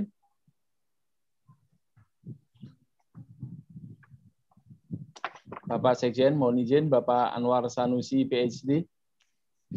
Apakah Bapak sudah hadir? Ya, barangkali masih akunnya saja yang sudah masuk, tapi barangkali beliau masih ada kesibukan atau tugas negara yang lainnya. Baik, nanti uh, jika beliau sudah siap, uh, kita akan uh, dengarkan uh, arahan dan yang apa yang beliau sampaikan pada kita semua. Oke, untuk selanjutnya kita akan masuk pada pemateri berikutnya, yaitu pada Bapak Triharto, ya, untuk menyiapkan materinya. Tapi sekali lagi kami ucapkan terima kasih kepada PT Proven Force Indonesia, pada Orbitin, dan juga kepada uh, eh, IC Institute yang sudah memperakasai untuk acara terselenggaranya acara ini. Dan juga terima kasih yang barusan pada pembicara sebelumnya itu Pak Anton, J. Supit, dan juga Pak Agung Pambudi. Pak Tri, sudah siap Pak Tri? Insya Allah. Terima kasih. Insya Allah. Assalamualaikum. Mantap. Waalaikumsalam warahmatullahi wabarakatuh. Oke, kalau gitu eh, kita akan siap untuk mendengarkan paparan dari Bapak Triharto. Sebelumnya saya sampaikan ke Bapak-Bapak dan Ibu semua, Bapak Triharto ini adalah Direktur Utama dari PT PFI Global Manpower. Jadi beliau emang uh, berkecimpung langsung dengan dunia alidaya, berkecimpung langsung dengan dunia ketenaga kerjaan, yang sudah pasti beliau uh, bukan hanya secara konseptual dan teoretikal saja, tapi beliau pun adalah seorang praktisi yang tahu yang yang mengikuti perkembangan dan kondisi yang ada di lapangan. Oke, kalau gitu kepada Pak Tri, uh, saya persilahkan pada Pak Tri untuk menyampaikan uh, paparannya. Monggo Pak. Siap, terima kasih Pak Dr. Ini saya share. Uh, suara saya menggema ya, suara saya seperti menggema. Terdengar tapi di saya rada keputus-putus Pak Tri, sedikit jauh juga. Oh gitu. Ya. Soalnya saya mendengar artinya ekonya nah. saya. Apakah yang bisa mendengar saya? Ini jauh tadi ada sempat rada enak dikit, Pak. Gimana? Kalau sekarang, Pak? Ya, better lah. Oke. Okay. Oke. Okay. Uh, iya, terima kasih Pak Dr. Pak Jimmy Gani tadi uh, sharing yang luar biasa dari sumber kita, Bapak Pak Budi Bapak Anton Jebubit karena melihat antusiasme yang uh, saya lihat ini. setting banyak pertanyaan-pertanyaan tapi uh, saya merasa bahwa uh, diskusi akan berlangsung dengan Kamis jadi saya tidak akan lama untuk uh, presentasi saya kali ini. Jadi perkenalkan saya Sinarto Bintana dari PFI Global Power ini uh, member JG Corp. Jadi uh, apa uh, bapak perusahaan kami ada PT Perusahaan Indonesia dan yang asosiasi ada dan lain sebagainya. PT BFI Global Manpower didirikan pada tahun 2011, jadi udah sekitar 9 tahun. Dan di tim kami ini uh, beragam, jadi ada ambasador Najib Rifat Kusuma yang sudah sangat senior, pengalamannya udah uh, mumpuni dan uh, yang selama ini selalu mengembangkan wisdom-wisdomnya yang yang kita uh, apa uh, pakai untuk sebagai acuan mengoperasikan perusahaan.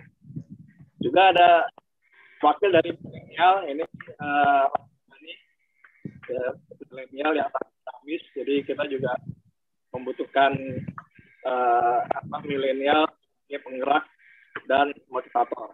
Kemudian saya ditemani oleh rekan saya Bapak Suwandi. Ya. Jadi secara keseluruhan kami ini sudah uh, secara institusi memang tahun 2011, tapi secara personel mulai tahun 2006 menjalankan alih daya. Kalau outsourcing sekarang di undang di PP 35 itu itu tidak ada kata outsourcing lagi. Jadi kita pakai sekarang dasarnya adalah alih daya. Ini pakai bahasa Sunda karena saya sempat menerjemahkan dalam bahasa Indonesia. Jadi sebagai uh, perusahaan alih daya itu apa saja sih yang yang apa uh, hal yang dimiliki? Pertama adalah objectivity. Artinya objectivity ini kita harus um, melihat apa sih objek dari uh, objektif dari suatu perusahaan yang akan mengalidayakan tenaga kerjanya. Ya, jadi objektif mereka itu akan menjadi objektif kita kalau misalnya kita jadi uh, bekerja sama dengan perusahaan tersebut. Kemudian sebagai perusahaan alidaya kita juga harus mempunyai uh, change orientation. Kalau misal tidak uh, mengadakan perubahan dalam uh, perusahaan tersebut, ya mereka akan uh, merasa bahwa buat apa saya meng-hire uh, perusahaan alidaya gitu. Artinya dalam hal ini kita mengimplementasikan change management.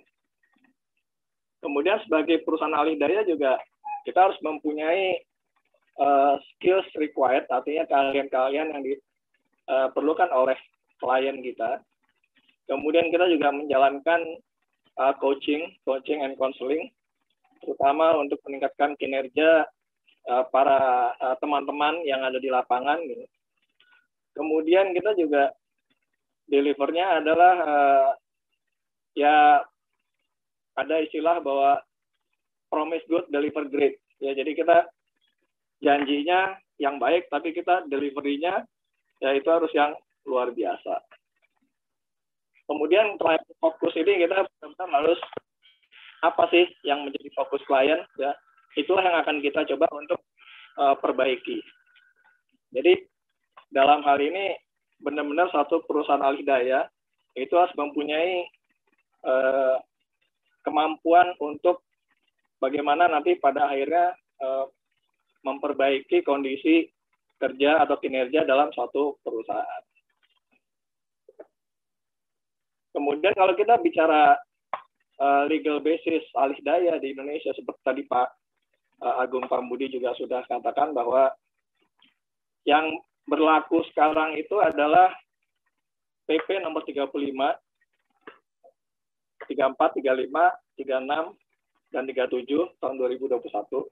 Tapi untuk alih daya ini sudah tidak berlaku lagi Undang-Undang nomor 13 tahun 2003 pasal 64, 65, 66 tapi yang sekarang dipakai itulah PP nomor 35 tahun 2021 pasalnya 18, 19, 20 mengenai PKWT, alih daya, dan sebagainya.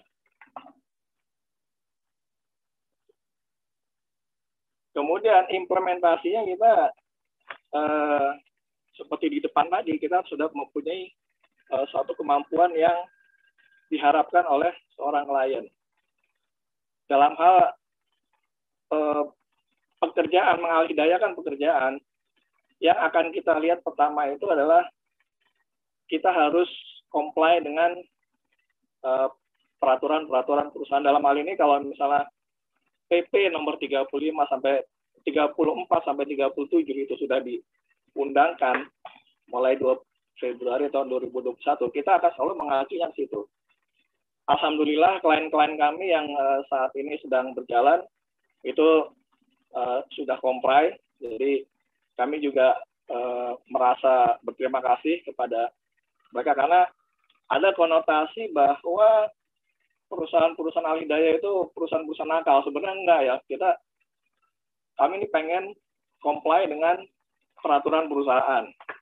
Cuma kadang-kadang ada ada satu alasan-alasan di belakang itu yang kemudian bukan uh, tidak comply sebenarnya, tapi yang seperti dikatakan oleh uh, Bapak Agung Pambudi tadi, ability ya, ability untuk comply-nya itu yang kadang-kadang uh, memberatkan.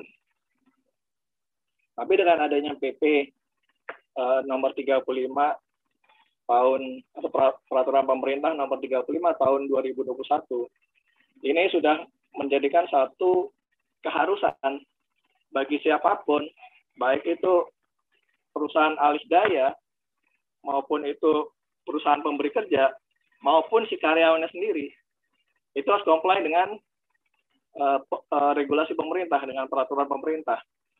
Jadi tidak bisa seenak lagi misalnya kita uh, memutuskan hubungan kerja misalnya, ya kemudian hanya say thank you aja itu itu udah nggak bisa. Kita harus selalu comply dengan apa yang ada di uh, PP 35 tahun 2021 karena di situ sudah mengakomodir uh, perhatian dan kebutuhan dari uh, tiga pihak, yaitu dari si pemberi kerja, dari perusahaan alih daya, maupun dari si karyawan sendiri. Kemudian implementasinya itu ya kita melengkapi. Jadi sebagai seorang uh, sebagai perusahaan alih daya, kami melengkapi keahlian-keahlian yang tidak ada di dalam perusahaan banyak sekali misalnya. Pak Tri, mohon izin Pak Tri, punten sebentar. Ya. Maaf. Intrusi, punten waktunya tiga menit lagi Pak Tri. Oke. Ya, apa. Oke ya, matur nuwun Pak Tri, monggo dilanjut. Ya, jadi uh, implementasi dari ini kembali lagi yang utama adalah bagaimana kita comply dengan uh, peraturan pemerintah. Ya, jadi kita juga uh, dalam hal ini menghindari masalah-masalah di belakang sehingga kalau misalnya kita uh, mematuhi peraturan peraturan pemerintah, insya Allah semuanya akan selamat sampai di tujuan. Kemudian dari uh, perusahaan kami itu ada tiga jenis uh, alis daya, yaitu interim itu lebih kita sebut sebagai blue collar ya, uh, white collar sorry, white collar. Ini top management, dan management, di mana di sini yang diutamakan adalah jaringan atau network dari orang-orang yang kita supply tersebut. Kemudian bisnis proses outsourcing, itu ada yang sifatnya productivity oriented, ada yang non productivity oriented. Kemudian ada yang regular. Kalau regular itu ada yang high skill, semi skill, sama non skill. Ya, jadi uh, seperti itu, Bapak-bapak dan Ibu-ibu sekalian, kami uh, menyediakan uh, jasa alih daya seperti tadi yang sudah saya uh, sampaikan di depan. Dan kalau misalnya memang ada pertanyaan nanti silahkan disampaikan di chat. Terima kasih waktunya Pak Dr. Ervin. Terima kasih Bapak-bapak dan Ibu-ibu sekalian. Wassalamualaikum warahmatullahi wabarakatuh. Ya, terima kasih. Uh, luar biasa sekali Pak Triharto atas waktunya. Ya, sesuai dengan rencana insya Allah jam 15.30 memang kita pegang pada random. Mohon izin Pak Tri, mohon izin Bapak dan Ibu, uh, waktu harus saya kendalikan agar bisa semuanya dapat bagian. Gitu ya.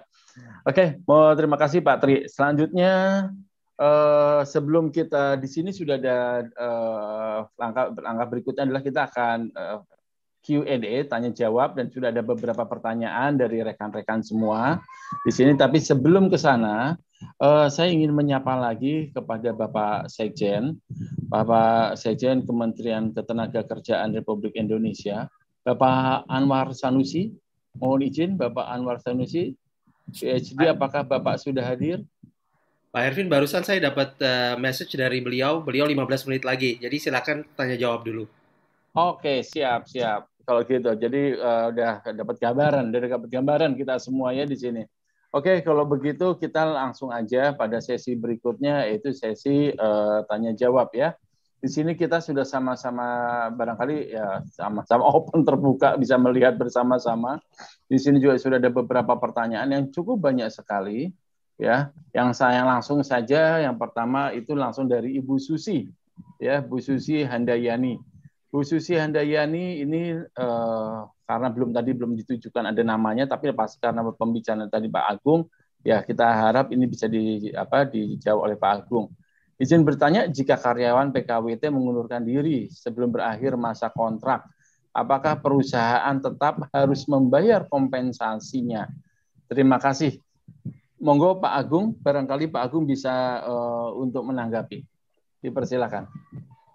Ervin, uh, saya saya barusan halo, suaranya ya, silakan ya? Pak Gung. Dengar, dengar. Ya? Oh, oke. Okay. Uh, baik, saya saya baru lihat beberapa pertanyaan, cukup banyak beberapa pertanyaan. Saya gabung saja ya Pak Ervin uh, dari pertanyaan-pertanyaan yang lain. Siap. Mungkin Siap. Uh, saya secara berurut saja. Misalkan yang paling fundamental ada pertanyaan tentang di mana itu di pasal pasal berapa di PP 35 yang menyebutkan bahwa untuk apa outsourcing itu mengenal core competence dan non uh, non core competence. Uh, kalau Bapak Ibu melihat uh, di sana tidak akan ketemu. Nah, maka ini ini salah satu uniknya untuk melihat atau membaca Undang-Undang Cikar adalah harus dilihat uh, dari satu kesatuan dengan uh, puluhan undang-undang yang terkait. Ini memang memang rumitnya di sana, challenge-nya di sana. Nah, jawaban atas pertanyaan ibu uh, ibu atau bapak ini uh, bisa ditemui di undang-undang sikarnya sendiri, uh, yaitu di pasal 65 yang sudah dihapus. Jadi di undang-undang sikar itu uh, salah satunya adalah menghapus ketentuan pasal 65 yang ada di Undang-Undang 13 tahun 2003, di mana uh, di situlah pasal yang menyebutkan adanya uh, pembatasan antara yang core kompetensi dan non kompetensi yang uh, lima bidang itu. Uh, itu jadi memang ini salah satu cara unik dan baru kali ini di sistem perundangan kita me, me, membacanya dengan cara yang demikian. Itu yang pertama. Kemudian yang kedua ada pertanyaan tentang eh, apa eh, vendor yang belum eh jangan itu dulu mungkin ya yang DPLK dan DPPK jadi tadi saya menyampaikan bahwa DPLK dan DPPK dananya bisa uh, dipakai untuk mengkompensasi uh, terhadap penghitungan uh, pesangon. Nah, apakah pertanyaannya adalah apakah bisa untuk mengkompensasi penghitungan jaminan pensiun apakah bisa dibayarkan dari DPLK dan DPPK di situ? Jawabannya tidak bisa karena ini satu apa rejim instrumen yang berbeda begitu. Uh, di uh, pesangon itu tidak sama dengan uh, rejim di jaminan pensiun yang sifatnya dia adalah jaminan sosial begitu. Jadi ini undang-undang yang tidak tidak saling untuk bisa mengkompensate di sana. Tetapi kalau tadi yang DPLK dan DPPK Eh, memang diatur itu dimungkinkan, memang, memang bisa untuk dikompensasikan di sana. Sedangkan untuk JP, jaminan pensiun tidak bisa. Lalu pertanyaan tadi yang Pak Erwin sampaikan ya, PKWT yang apa tadi? Sebelum kontrak sudah diselesaikan begitu ya, maka apa? Eh, bagaimana kewajiban karyawan? Apakah saya kurang terlalu persis menangkap uh, pertanyaannya sebenarnya. Yang pertanyaannya itu apakah maksudnya kalau masa pekerja PKWT, katakanlah PKWT itu kontraknya adalah satu tahun, tetapi ternyata baru tiga bulan dan kemudian ya. pekerja yang bersangkutan mengundurkan diri. Apakah pekerja tersebut uh, wajib untuk membayar kompensasi? Ya, ya.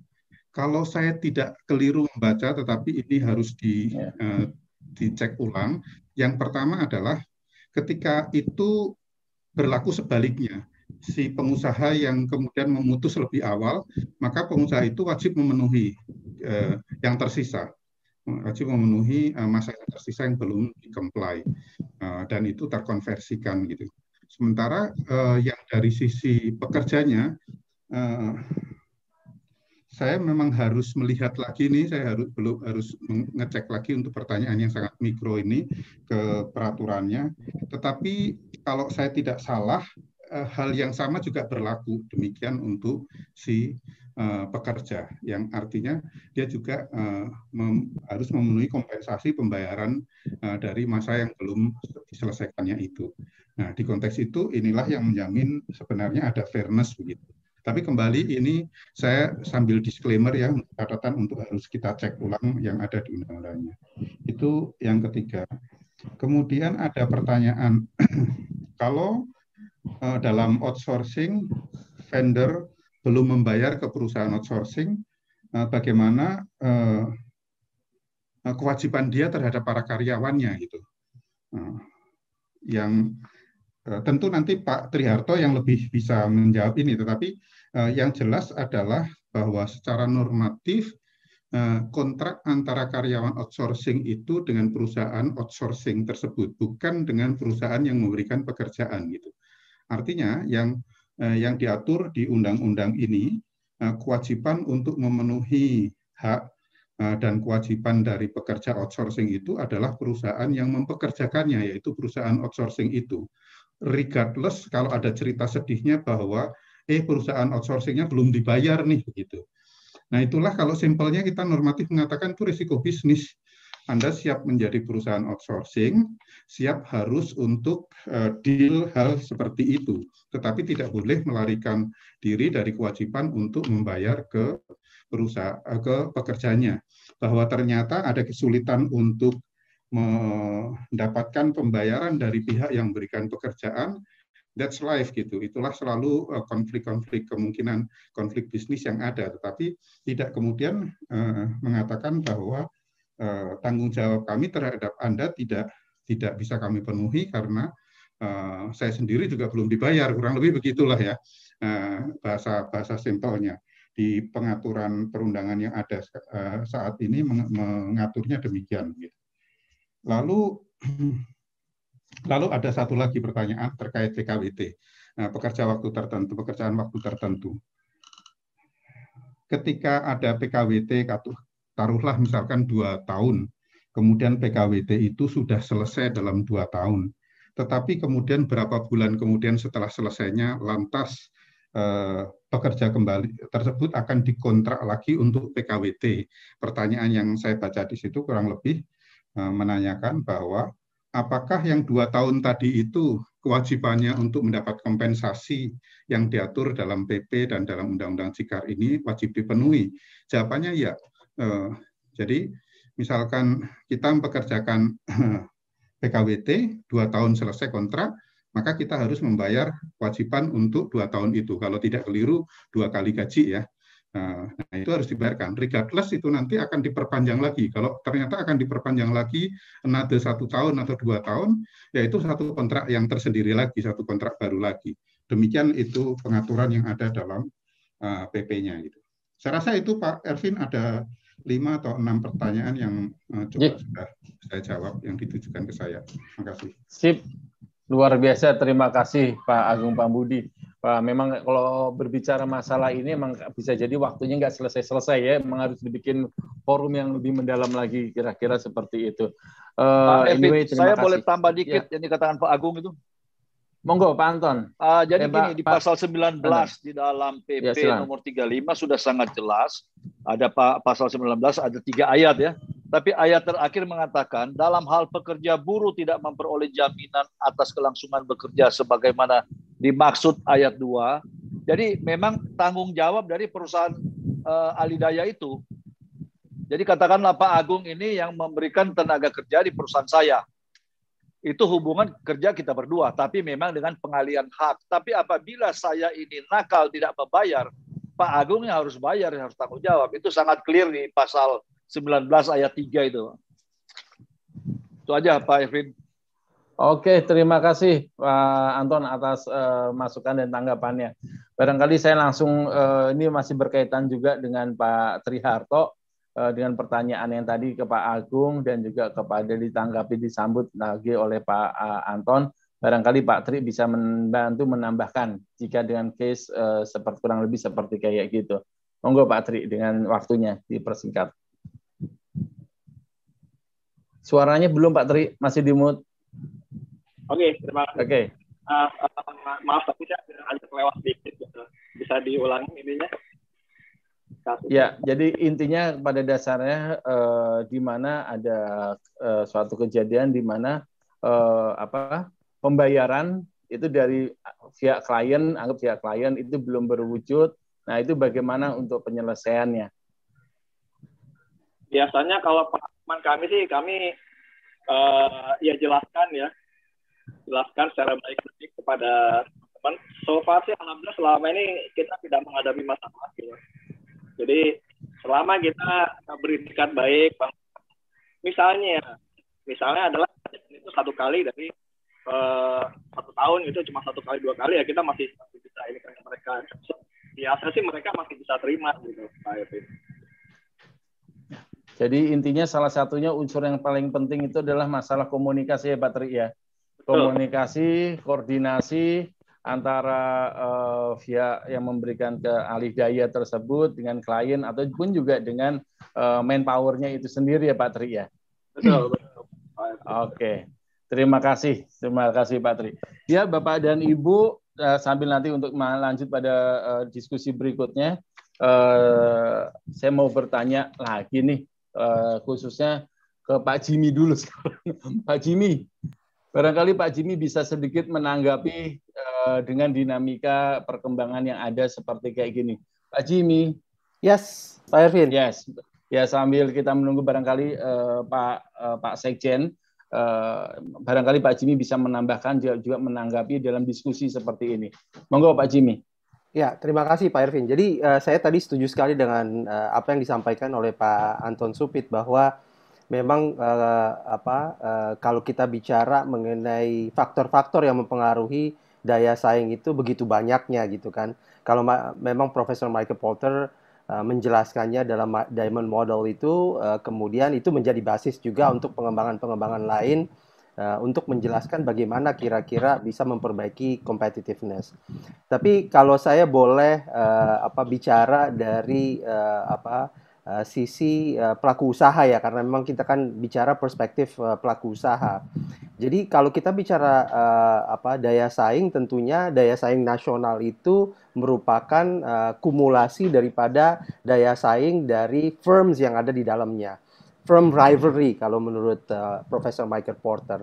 Dan firm rivalry itu memang uh, apa terdiri dari banyak hal gitu ya termasuk bicara productivity daripada perusahaan tersebut, kemudian uh, kinerja baik operasional termasuk juga uh, finansial bagaimana kita bisa mendapatkan uh, apa pendanaan yang uh, kompetitif gitu ya harga uh, biayanya dan seterusnya.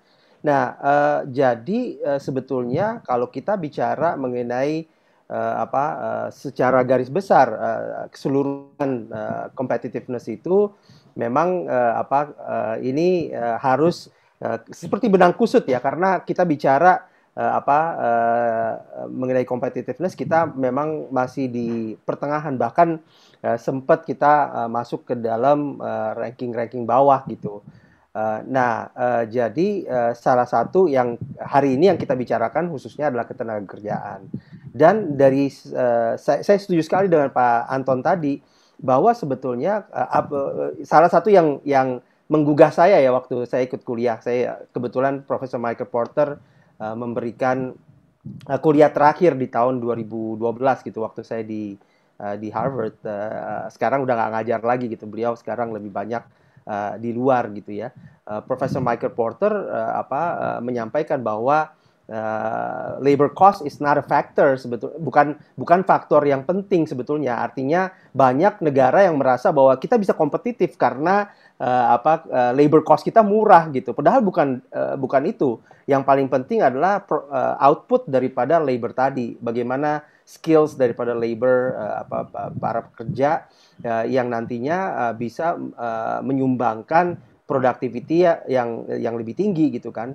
Kenapa negara-negara uh, apa ya yang uh, melakukan investasi lebih memilih negara-negara uh, yang notabene mungkin uh, apa uh, cost of labor-nya lebih tinggi gitu ya. Karena uh, kemungkinan besar di negara-negara tersebut mereka melihat productivity kemudian melihat overall uh, conduciveness uh, apa daripada uh, negara tersebut lebih baik gitu termasuk tadi uh, juga uh, bicara tentang kepastian hukum gitu karena itu penting sekali gitu ya uh, kalau kita bicara mengenai uh, apa uh, mengenai uh, daya saing gitu.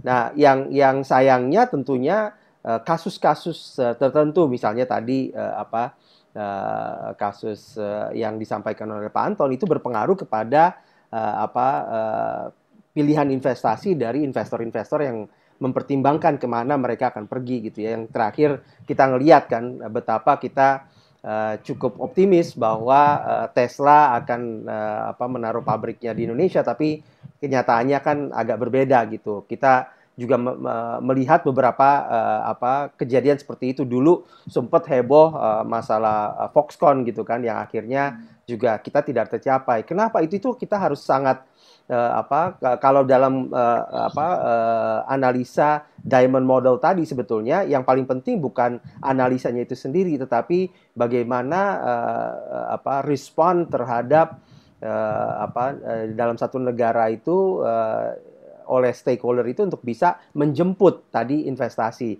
Artinya di dalam beberapa kasus kita harus melihat bahwa uh, memang sekarang nampaknya sih lebih kita lebih ini ya lebih membuka diri ya untuk bisa uh, apa mengcater kepada kebutuhan uh, uh, dunia usaha uh, dengan uh, melihat apa sih yang dibutuhkan gitu. Tapi saya rasa uh, ini PR besar karena uh, di misalnya di Vietnam aja ya uh, kita tahu bahwa investor itu dikasih karpet merah gitu.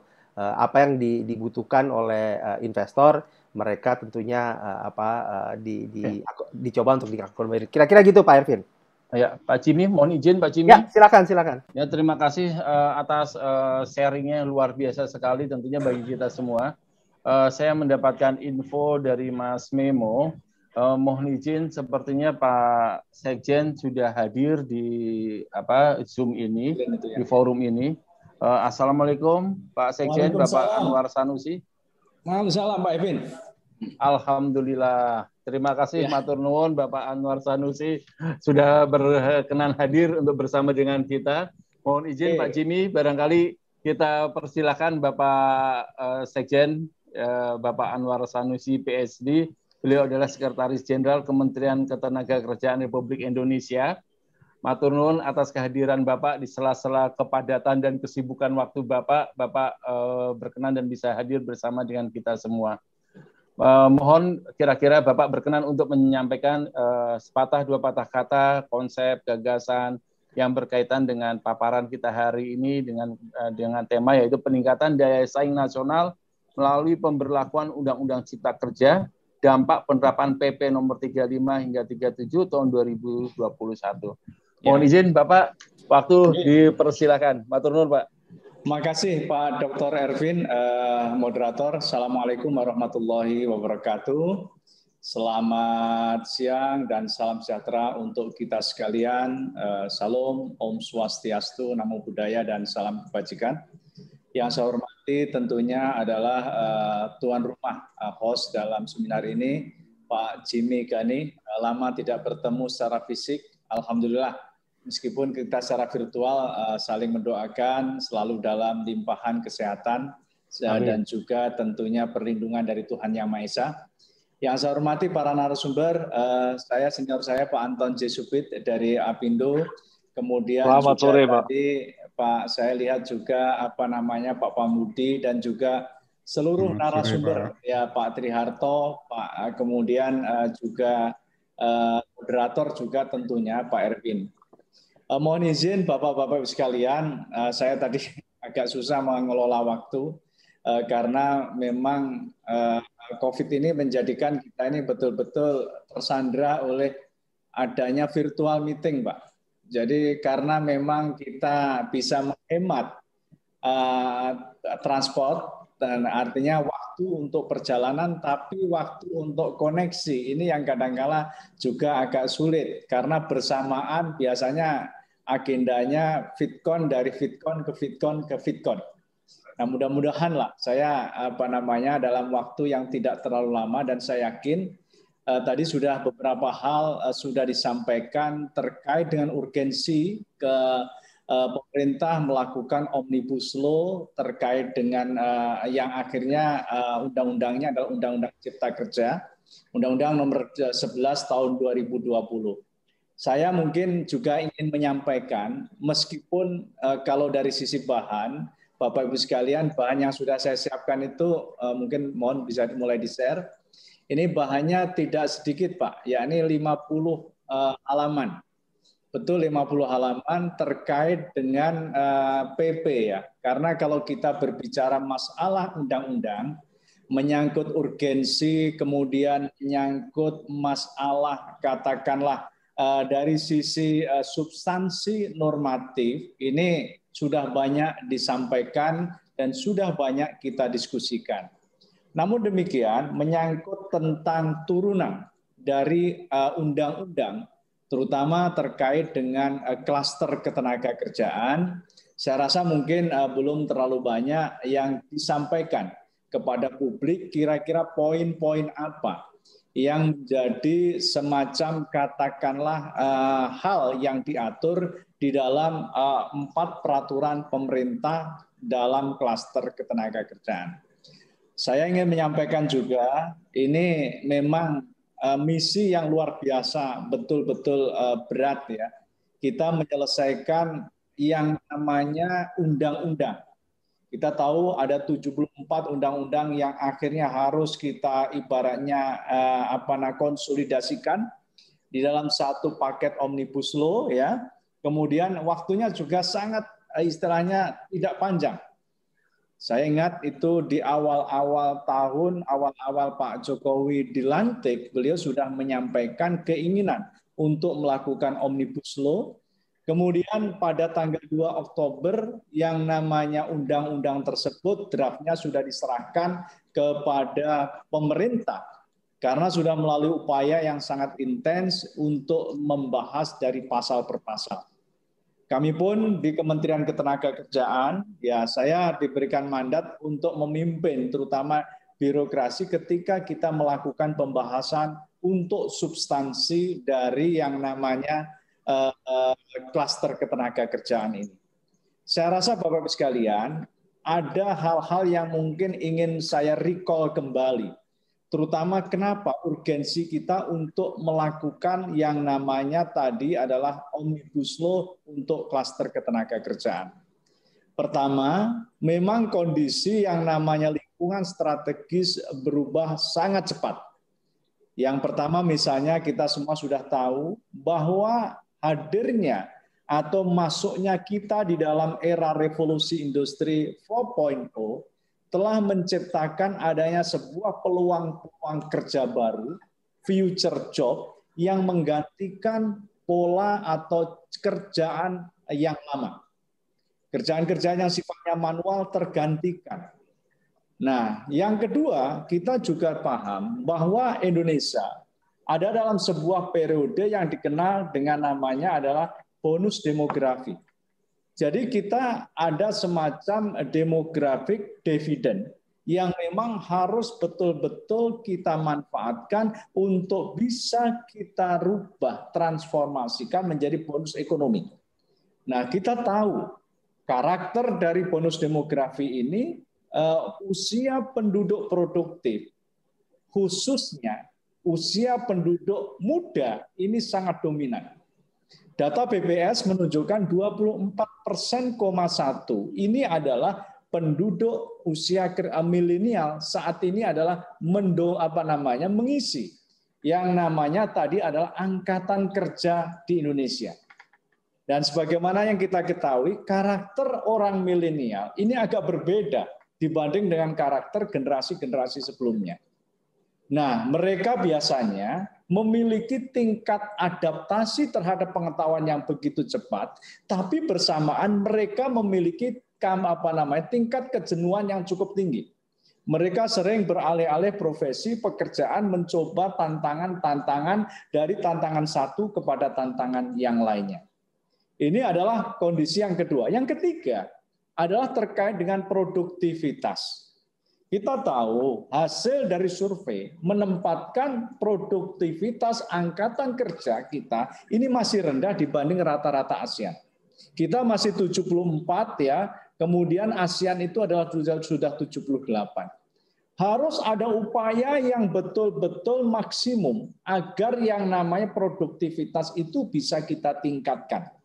Bagaimana yang namanya eh, apa namanya angkatan kerja tersebut bisa cukup kompetitif, terutama adalah ketika dia berhadapan dengan angkatan-angkatan kerja dari negara-negara lain. Nah, yang keempat tentunya kebetulan adalah di dalam situasi yang COVID ini. Sehingga pada intinya Bapak Ibu sekalian, saya ingin menyampaikan dalam konteks klaster ketenaga kerjaan, tujuan yang kita ingin dalam hal ini apa namanya dorong bahwa investasi tadi kan kalau angkatan kerja banyak berarti kita harus ingin serapan tenaga kerja juga banyak harus diciptakan situasi apa namanya investasi yang kondusif tapi tetap yang namanya apa yang yang tingkat kesejahteraan pekerja, tingkat kesejahteraan buruh itu tidak diabaikan. Sehingga tentunya berbagai hal yang memang mengatur di dalamnya ini kita dibingkai oleh sebuah spirit yang saya katakan tadi adalah investasi harus tumbuh dan berkembang karena kalau tanpa tumbuh tidak berkembang kita tidak mungkin bisa memanfaatkan contohnya adalah Tadi adalah situasi bonus demografi yang ditransformasikan menjadi tadi adalah bonus ekonomi. Nah, Bapak Ibu sekalian, kami di Kementerian Ketenagakerjaan tadi saya katakan empat mandat yang akhirnya kita itu adalah apa namanya harus menyusun peraturan pemerintah. Sebetulnya kita lima. Yang pertama adalah terkait PP 34 untuk PTKA, penggunaan tenaga kerja asing. Kemudian yang kedua adalah PP 35 terkait dengan perjanjian kerja waktu tertentu, alih daya, waktu kerja, waktu istirahat, serta pemutusan hubungan kerja. Kemudian PP nomor 36 tahun 2021 tentang pengupahan. Dan yang terakhir adalah tentang PP 37 yakni terkait dengan penyelenggaraan program jaminan kehilangan pekerjaan. Nah, saya ingin menyampaikan, nah satu lagi tadi PP yang terkait dengan perizinan usaha, ini adalah kita menjadi bagian terutama adalah apa namanya one single submission OSS yang memang Kementerian Ketenagakerjaan mendapatkan mandat izin-izin yang terkait dengan ketenagakerjaan juga apa namanya semua diintegrasikan dalam payung yang tadi saya katakan OSS tadi. Bapak Ibu sekalian yang saya hormati, waktu yang sangat pendek untuk saya menyampaikan, saya rasa saya ingin memberikan summary saja. Dari setiap PP ini sebetulnya apa sih substansi yang diatur? Mulai yang pertama adalah PP nomor 34 tentang penggunaan tenaga kerja asing. Nah, jadi pada intinya di sini eh, apa namanya kita ada beberapa substansi yang memang di sini adalah dikatakan bahwa yang namanya TKA tetap harus diatur. Cuman dari sisi katakanlah pengelolaannya, birokrasinya ini adalah kita perbaiki agar tentunya istilahnya adalah bukan kita permudah tidak, tapi kita memberikan semacam katakanlah eh, perbaikan dari sisi tata kelola yang namanya perizinan usaha. Memang uh, tetap yang namanya pengecualian RP apa namanya uh, uh, terkait dengan mohon maaf uh, apa namanya proses uh, tentang ada beberapa tambahan di sini misalnya TKA untuk darurat dan mendesak. Startup vokasi, kunjungan bisnis dan penelitian memang ini tidak istilahnya adalah tidak harus melalui RPTK. Nah, ini ada ada sedikit kemudahan yang terkait dengan yang namanya PTKA tadi. Nah, jadi dalam hal ini kita ada amanat yang memang harus dilakukan. Misalnya jabatan tertentu, waktu tertentu bagi TK yang dipekerjakan, kemudian besaran dengan penggunaan kompensasi untuk setiap TKA yang dikerjakan, kemudian juga adalah penggunaan TKA untuk apa saja. Ini poin-poin yang memang kita sudah atur di dalam yang namanya peraturan pemerintah nomor 34 tahun 2021. Slide berikutnya, slide ke-8, ya ini terkait dengan ini saya ini PP yang menurut saya cukup banyak yang diatur. PP terkait dengan perjanjian kerja waktu tertentu PKWT. Kemudian PP yang terkait dengan alih daya outsourcing. Kemudian yang terkait waktu kerja, waktu istirahat, serta pemutusan hubungan kerja. Nah, nah kita lihat ada substansi pokok yang di apa namanya ini eh, beberapa poin, misalnya tentang PKWT. Nah, ini poin yang jelas di dalam di sini PKWT dilaksanakan berdasarkan perjanjian kerja jangka waktu atau selesainya pekerjaan tertentu. Jadi begini, pertama adalah eh, apa namanya yang bisa di PKWT-kan. Ini adalah sesuatu yang memang jenis pekerjaannya adalah tertentu. Kalau pekerjaannya itu adalah tidak tentu, ya tentunya di sini adalah tidak bisa di PKWT-kan. Nah, kita dalam hal ini Bapak Ibu sekalian, di dalam PP kita atur ya, terkait misalnya adalah uh, jenis dan sifat atau pekerjaan kegiatan pekerjaan uh, pekerjaan jangka waktu dan batas waktu perpanjangan PKWT. Nah, di sini kita melihat artinya memang apa namanya uh, terkait dengan PKWT, orang mengatakan istilahnya kok bisa sampai istilah lima tahun. Jadi sebetulnya adalah dua, kemudian tambah dua lagi, tambah satu. Nah, kemudian di sini juga kita kenal adanya namanya uang kompensasi untuk PKWT. Nah, juga perlindungan eh, apa namanya pekerja bagi pekerja pekerja atau buruh alih daya dan perizinan berusaha. Nah, poin berikutnya ini tentang PKWT, saya rasa memang eh, ini menjadi isu yang menurut saya terutama oleh kalangan pekerja ini banyak sekali yang di istilahnya dikatakan bagian dari yang namanya kita untuk mempkwt-kan semua. Nah, padahal kita tidak. PKWT itu hanya untuk pekerjaan tertentu. Kalau pekerjaannya itu adalah eh, apa namanya? waktunya ini uh, lama itu menjadi pekerjaan yang tidak apa namanya uh, eh, PKWTT ya tidak tentu artinya pekerjaan yang tertetapkan itu Nah, nah Bapak Ibu sekalian, slide berikutnya nanti mungkin uh, yang terkait dengan uh, eh, PKWT, kemudian ada yang terkait dengan alih daya ya, alih daya, alih daya dulu. Nah, alih daya ya, alih daya ini sebetulnya prinsipnya begini Bapak Ibu sekalian. Pemerintah ini tidak mengatur bisnis to bisnis. Tapi pemerintah ini adalah mengatur bagaimana istilah relasi antara pekerja dengan ibaratnya adalah yang memberikan pekerjaan. Jadi dalam hal ini ya tentang outsourcing ya apa nah next slide ya. Uh, uh, tentang yang namanya sebelum sebelum yang ini uh, sebelumnya. Oh enggak ada ya. Nah jadi yang namanya gini uh, next ya. Terus PKWT ya. P uh, sorry tentang outsourcing ya Bedanya dengan yang peraturan yang sebelumnya, orang yang misalnya gini, dia adalah outsourcing berpindah dalam satu perusahaan, maka pengalaman kerja itu harus sudah ibaratnya diperhitungkan atau adalah dihitung. Kalau yang sebelumnya kan enggak. Sebelumnya kritik adalah semua dari nol. Kalau yang sekarang adalah orang pengalaman kerja ini masuk di dalam yang namanya tadi penghitungan untuk uh, skema alih daya. Slide berikutnya. Nah, kemudian terkait dengan waktu kerja, waktu istirahat, pada intinya Bapak Ibu sekalian, ini tidak ada yang namanya perubahan dari sisi uh, substansi dibanding dengan aturan yang sebelumnya. Jadi tetap skema waktu kerja itu ada yang dia menggunakan enam hari, sehingga dia adalah tujuh jam uh, dalam satu hari atau 40 jam dalam satu minggu. Kemudian juga kalau dia menggunakan skema lima hari, berarti ada 8 jam satu hari, tetap 40 jam satu minggu. Nah, untuk sektor usaha atau pekerjaan tertentu dapat diterapkan waktu kerja yang kurang atau lebih dari waktu kerja standar dan waktu kerja lembur berubah menjadi maksimal 4 jam satu hari atau 18 jam satu minggu.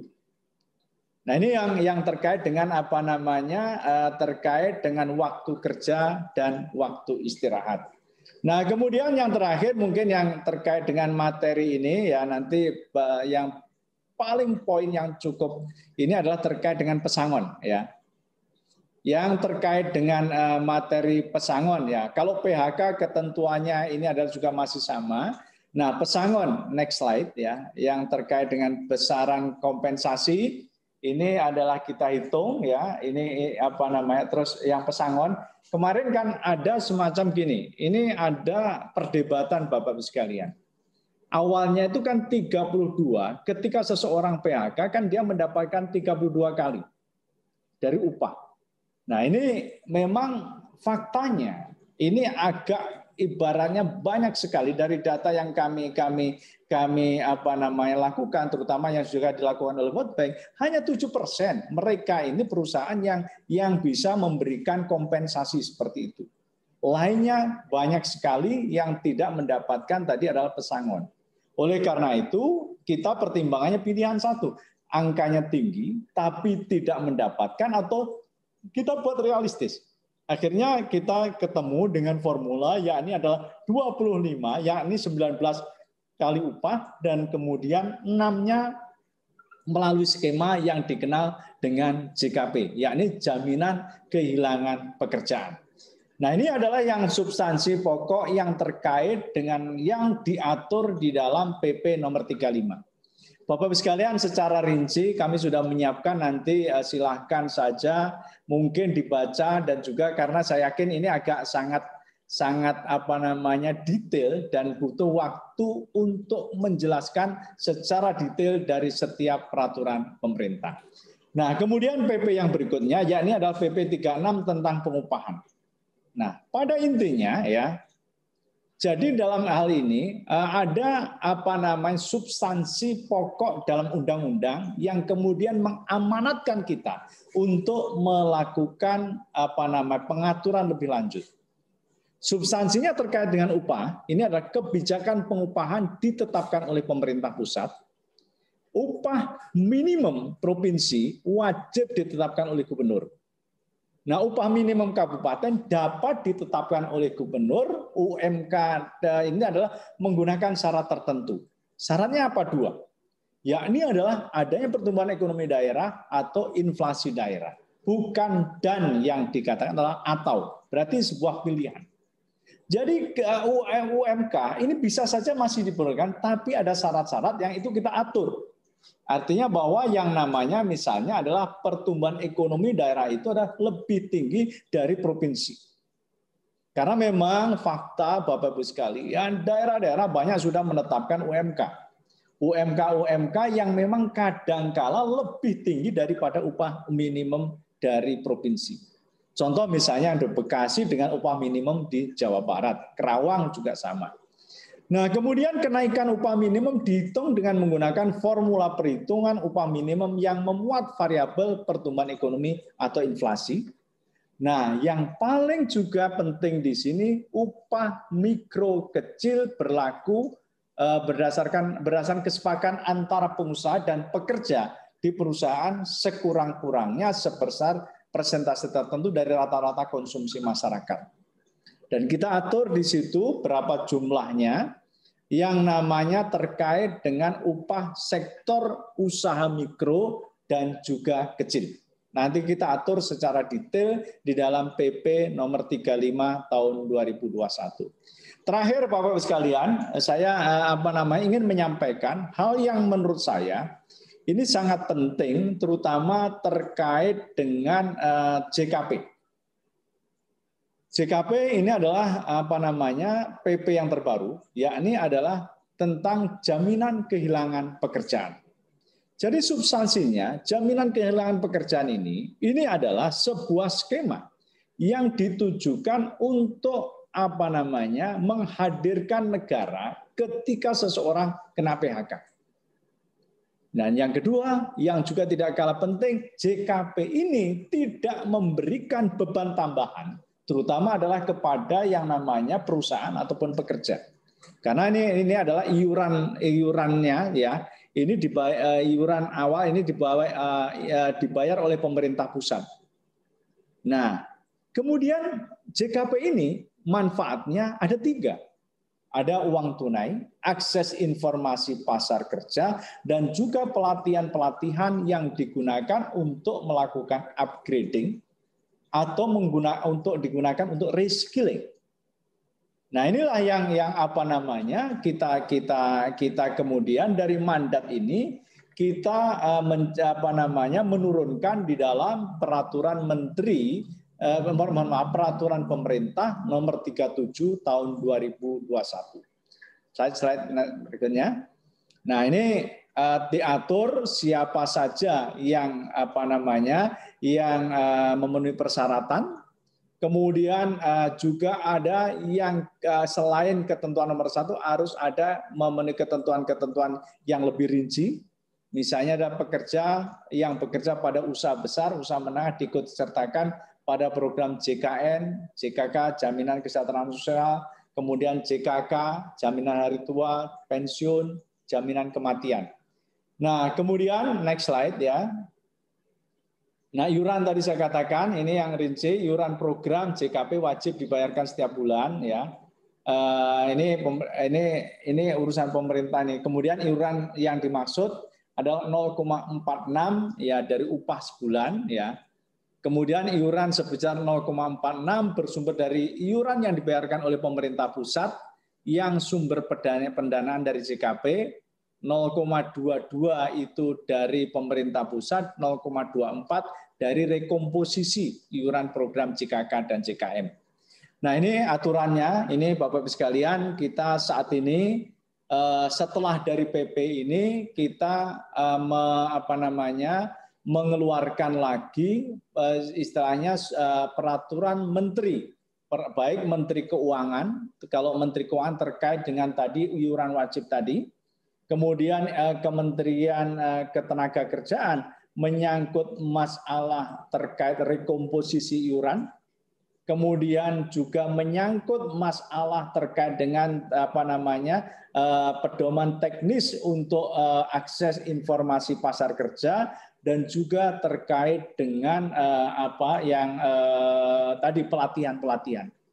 Nah, sedangkan yang BPJS Ketenagakerjaan ini adalah juga menyangkut tata kelola bagaimana istilah mengelola program JKP ini terutama adalah terkait dengan bagaimana benefit, keuntungan, manfaat dari JKP bisa disalurkan kepada para pekerja yang terkena PHK.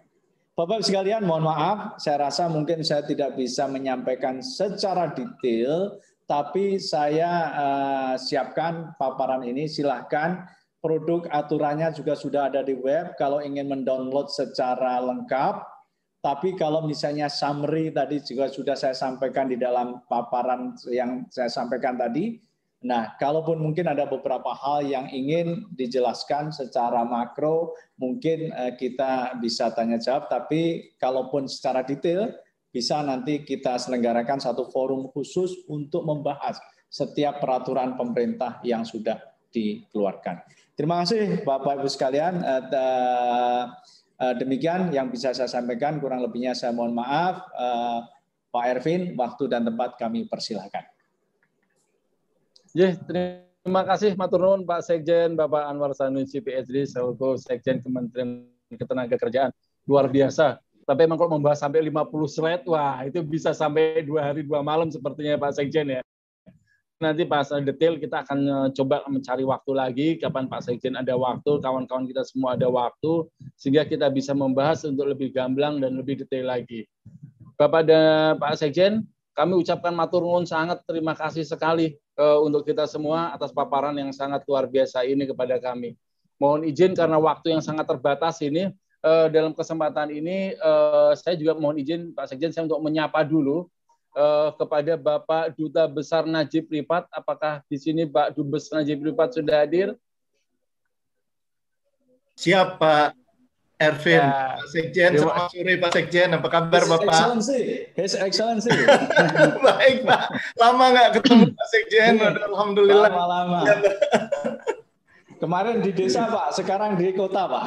Oh iya, alhamdulillah. ya, terima kasih Pak Sekjen, terima kasih Pak Dubes. Barangkali ada satu dua patah kata yang ingin Pak Dubes bisa memberikan share kepada kita, meskipun waktu sudah sangat terbatas, tapi saya sampaikan saja kepada rekan-rekan semua uh, yang hadir di sini bahwa beliau saat ini adalah seorang uh, komisaris utama di PFI uh, Global Manpower, tapi bukan hanya itu, bagaimana pengalaman beliau sebagai duta besar di berbagai negara salah satunya di Australia, itu sudah banyak sekali menerapkan konsep yang kita terapkan saat ini. Nah, di sini barangkali satu dua patah kata yang bisa sedikit Pak Dubes sharingkan kepada kita semua. Monggo Pak Dubes. Uh, terima kasih Pak Ervin. Uh, Assalamualaikum warahmatullahi wabarakatuh. Pak Sekjen, Pak Dr. Anwar Sanusi, sahabat lama sekali. Uh, senang sekali Pak Sekjen bisa bertemu kembali hari ini. Pak Jimmy, Pak uh, Ervin, Pak Anton Supit, Pak siapa lagi pembicara kita, Pak Triharto, dan Pak uh, Pak Agung Pambudi. Agung Pambudi ya Pak. Jadi uh, saya saya senang sekali Pak dengan uh, apa namanya uh, webinar kita pada hari ini ditutup oleh Pak Sekjen dengan uh, begitu menguraikan uh, bagaimana uh, permasalahan uh, ketenaga kerjaan ini sebetulnya sudah diurai satu-satu oleh uh, pemerintah Pak. Jadi undang-undang uh, yang telah diinikan jadi omnibus law itu dan kemudian dengan semua aturan-aturan pemerintah yang menurun yang diturunkan itu adalah sebetulnya anugerah dari negara untuk dunia tenaga kerja karena uh, kita bisa lihat bahwa betapa sekarang uh, sampai-sampai tadi di bagian akhir Bapak Sekjen bercerita tentang apa namanya uh, jaminan kehilangan pekerjaan itu pun sekarang sudah itu pada saat di uh, Uni Eropa Pak di uh, Australia kami selalu mendengar mengenai uh, uang yang disebut sebagai uang tunggu Pak. Nah, uang tunggu itu itu kadang-kadang ada orang yang nakal Pak yang tidak menggunakan kesempatan menggunakan informasi tenaga kerjaan bahkan menunggu uang tunggu itu Pak yang sering uh, disebut sebagai dol. Nah, ini uh, kita berharap bahwa kerjasama di sini dari uh, kalangan uh, apa namanya dari kalangan uh, uh, uh, uh, industri dan juga uh, dengan para uh, ini dengan uh, pemerintah. Jadi kalau misalnya hanya pemerintah saja yang mengeluarkan aturan ini, maka tanpa kerjasama yang erat dari kalangan industri, maka ini akan percuma karena di sinilah eh, apa namanya pemerintah bisa digerogoti, kemudian bisa terjadi kong kali kong dan segala macam. Tetapi apabila eh, dari kalangan industri dan kalangan perusahaan-perusahaan baik besar maupun kecil itu bekerja sama dengan baik, maka saya yakin bahwa penerapan omnibus law ini yang merupakan satu yang saya sebut sebagai anugerah negara pada dunia ketenaga kerjaan ini dapat kita terapkan dengan sebaik-baiknya. Uh, saya uh, tidak akan mengambil waktu lama-lama, Pak. Saya hanya uh, mengucapkan terima kasih kepada pemerintah, kepada Kementerian Tenaga Kerja, dan uh, kepada uh, semua pihak, Pak, termasuk uh, DPR yang telah melahirkan dengan mulus pemikiran-pemikiran yang uh, sungguh fantastis ini ke dalam eh, undang-undang dan peraturan-peraturan pemerintah yang seperti sekarang. Saya ucapkan selamat kepada PFI dan Orbitin yang telah mengadakan menyelenggarakan kegiatan ini dan kemudian saya berterima kasih juga kepada Pak Sekjen dan semua teman-teman yang telah uh, ikut berbicara pada hari ini. Semoga apa yang telah kita bincangkan pada hari ini bisa membuahkan hasil yang luar biasa untuk masa depan Indonesia yang lebih cerah. Terima kasih. Bilahi taufik wal hidayah. Wassalamualaikum warahmatullahi wabarakatuh. Waalaikumsalam warahmatullahi wabarakatuh. Wah luar biasa. Kata-kata terakhir itu membuat Indonesia yang lebih cerah. Nah, insya Allah bersama-sama kita akan membuat Indonesia yang lebih cerah. Bapak dan Ibu, Pak Sekjen, Pak Dubes, Pak Agung, Pak Triharto, Pak Anton, luar biasa sekali uh, informasi, gagasan, uh, wawasan yang diberikan oleh Bapak Bapak semua. Terima kasih, ini sangat bermanfaat bagi kita semua di pada kesempatan di siang hari ini. Namun lain daripada itu, rasanya kalau tadi sudah kita buka oleh Pak Jimmy Gani, kayaknya nggak afdol kalau nggak kita tutup lagi oleh Pak Jimmy Gani lagi. Jadi Pak Jimmy, apakah masih ada? Ya, masih terima kasih Pak Vin. Monggo Pak Jimmy untuk ya. melakukan apa memberikan sepatah dua patah kata dan juga langsung pada closing statement yang Pak Jimmy bisa sampaikan. Terima kasih Pak Jimmy. Terima kasih Pak Ervin. Pak Ervin ini, emang pengan, uh, ini penggemar uh, da, lagu dangdut. Kau yang memulai, kau yang mengakhiri Pak Sekjen. Jadinya uh, mau nggak mau saya yang mengakhiri ini.